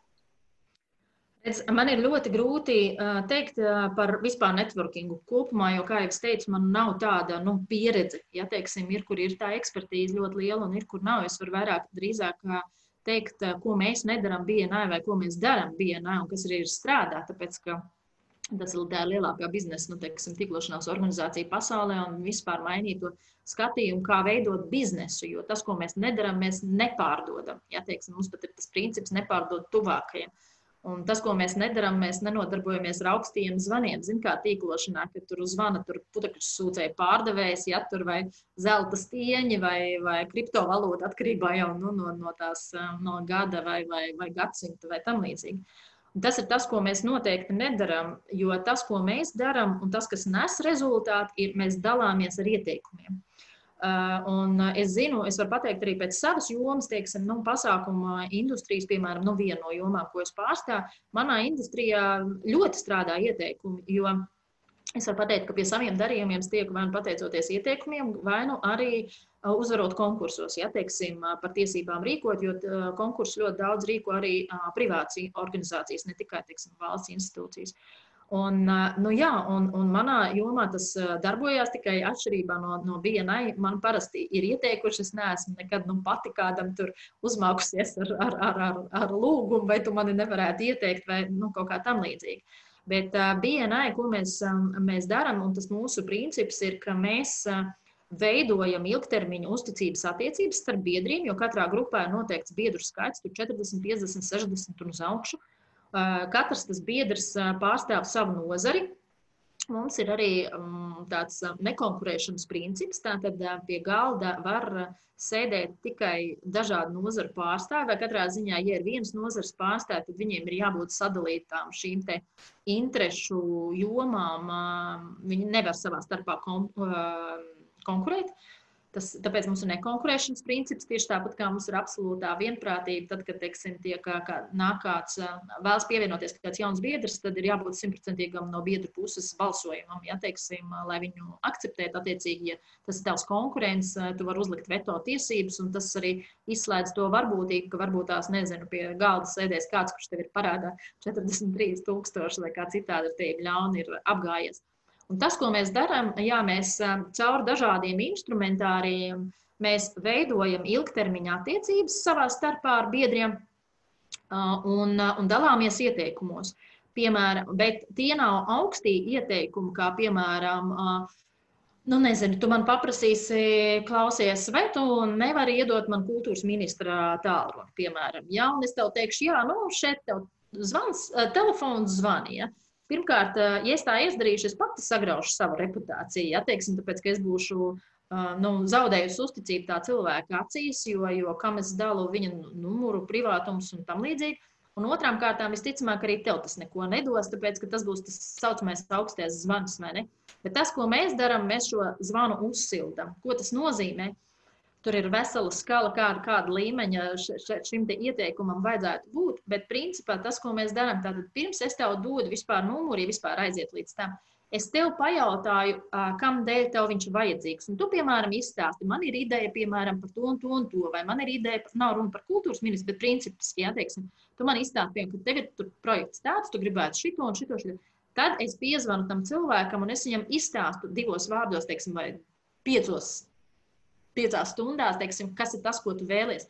Un tikai tad, ja tas cilvēks ir devis savu piekrišanu, tikai tad es jūs savedu kopā. Un šādā veidā pirmkārt es saglabāju uzticību pret, nu, teiksim, ilgu gadu, gadu gaitā veidoto.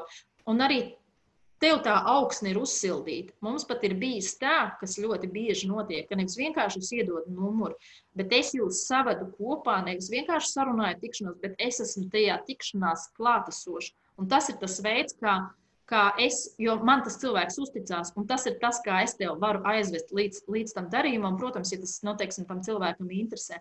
Un tas ir tas, kā mēs dalāmies šajos ieteikumos, un tas ir tas, kas noved līdz darījumam. Mēs ļoti konkrēti mērām rezultātus, tāpēc mēs varam pateikt, cik ir viena krēsla vērtība, teiksim, katram, kas sēž pie galda. Jo tas, ko mēs neatbalstam, zin, ir tādas uh, veģetētājs, sauksim to tā, kas eh, grib tikai ņemt un neko nedot pretī. Atteiksim, eh, tāpēc eh, BNI galvenais tas princips ir givers gain vai, vai, vai dodot goto, gūtais neatņemams. Rēnas gan nav pie BNI dibināšanas stāvējis, bet kaut kur viņš tur ir elpa pūtis virsū. Mēs tiešām uzskatām, ka, ka tev no sākuma kaut kas ir nu, jādara, lai, lai jādod, lai tu varētu arī kaut ko, nu, teiksim, lūgt. Bet, protams, tas ir tā, um, ļoti ātri pārskrienot prom, pāri, jo mēs ne tikai regulāri tiekamies teiksim, katru nedēļu, bet uh, mums ir ļoti daudz tās vērtības, kuras mēs implementējam dzīvē katru dienu, kā piemēram mācības. Mēs ļoti daudz mācāmies, teiksim, mums ir uh, dažādas vietējas, starptautiskas lekcijas, teiksim, kur, mēs, kur mēs apgūstam zināšanas. Tieši tāpat kā tagad mēs varam pieslēgties jebkurai grupai pasaulē, kas īpaši ir būtiski tiem, gan kas eksportē, gan kas mēģina iziet ārpus Latvijas robežas. Īpaši tagad, kad nav tev jālido uz Brazīliju vai Milānu vai vēl kaut kur, jebkurā grupā, kur tu vēlies piedalīties, bet tu vari online, teiksim, pieslēgties. Un, un daudzas citas lietas, bet, bet jā, tas ir tāds ilgtermiņa attiecības un reputācija, ko mēs veidojam dien, dienā strādājot. Un, un tad, tad, ja es tam cilvēkam, kas sēž man blakām, uzticos, tad es viņu arī iesaku, un tas arī nes rezultātus.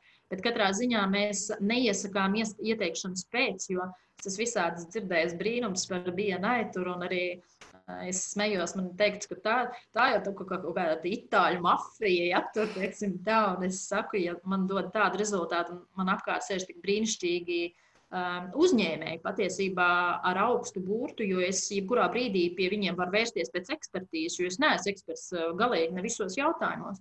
Un es viņu varu saņemt vienkārši tāpatās kā padomu, tad es esmu gatava būt jebkuras itāļu mafijas krustmāte, ja, ja man ir tādi bonusi.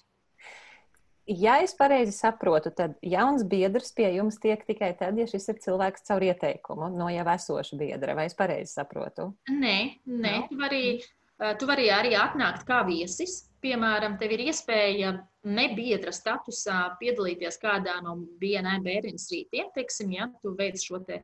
Uh, bet tev vajag uzaicināt kādam. Teiksim. Jā, tātad, un ko man darīt, ja es nevienu nezinu tur? Tu vari pieteikties pati. Tu vari mums tikko arī. Tad, bet kurš tad uzaicinās? Uh, nē, nu, uh, principā var arī pieteikties, nu, pats, teiksim tā. Uh, Mums arī tikko bija tā, šorīt tu vari arī pati, nu, teiksim, nezinu, atrakstīt, un, un kā es varu, pieņemsim, tur atnākt, un, un tev tiks atsūtīta tā pieeja, un, un teiksim, nu, šīm te, online rītam un tam līdzīgi. Protams, vienkārši, ja tu nāksi no viesa, tas būs, nu, bišķītiņi, nu, teiksim, savādāk. Bet tu sākumā, jā, protams, var atnākt kā viesis, piedalīties arī, teiksim, pičot, jo mēs uh, ļoti īsi, 30 sekundēs vai 45 sekundēs, vai biedrs vai viesis tur atšķirās. Īsi pastāstam par sevi, par savu biznesu, teiksim, vai, vai, vai, vai tas, ar ko mēs lepojamies. Un, jā, tev ir iespēja, teiksim, piedalīties. Tā. Mhm, skaidrs. Uh, Ines, ir pagājis laiks, ko mēs vienojāmies, ka mēs runāsim. Man ir tā, ka es neesmu paprasījis tev pat pusi no visa, ko es vēlējos. Man ir, es pati vainīga, bet es neredzēju variantu, kā es varētu paprasīt vēl. Bet uh, es ļoti ceru, ka mums ar tevi vēl būs kādreiz iespēja runāt vēl, ja vien tas tevi, protams, ka interesēs. Tas paliks tavā ziņā, tad, kad tu pati to izlemsi. Vai ir vēl kaut kas, ar ko tu gribi šīs sarunas noslēgumā pateikt cilvēkiem, kas viņu ir noklausījušies līdz galam? Ja tu gribētu vēl vairāk sarežģīt manu dzīvi, tu varētu uzdot jautājumu, kas ir tas jautājums, ko tev nekad neviens nav jautājis. Ne? Tev paveicās, ka es tev ne, tādus neprasu. Es parasti prasu, kas ir tas jautājums, kuru tev būtu paticis, ja es tev uzdotu, bet man neienāca prātā vai es piemirsu. es tā parasti jautāju.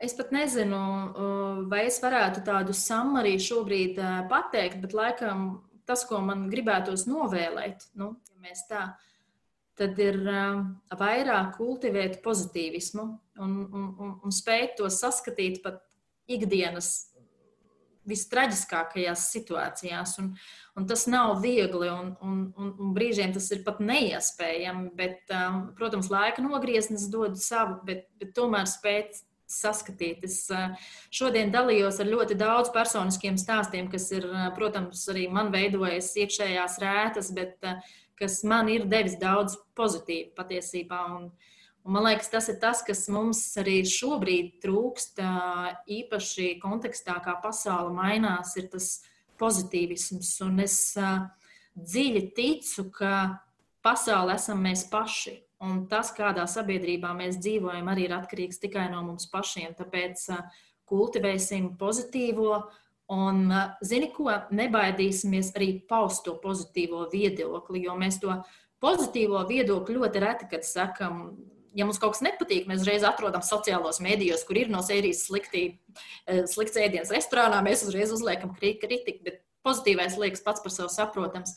Tad, ziniet, es laikam gribētu novēlēt, jā, lai mēs arī tajā pozitīvismā dalāmies, jo tas, kas mums šķiet ikdiena, kādam var arī varbūt pat glābt dzīvi.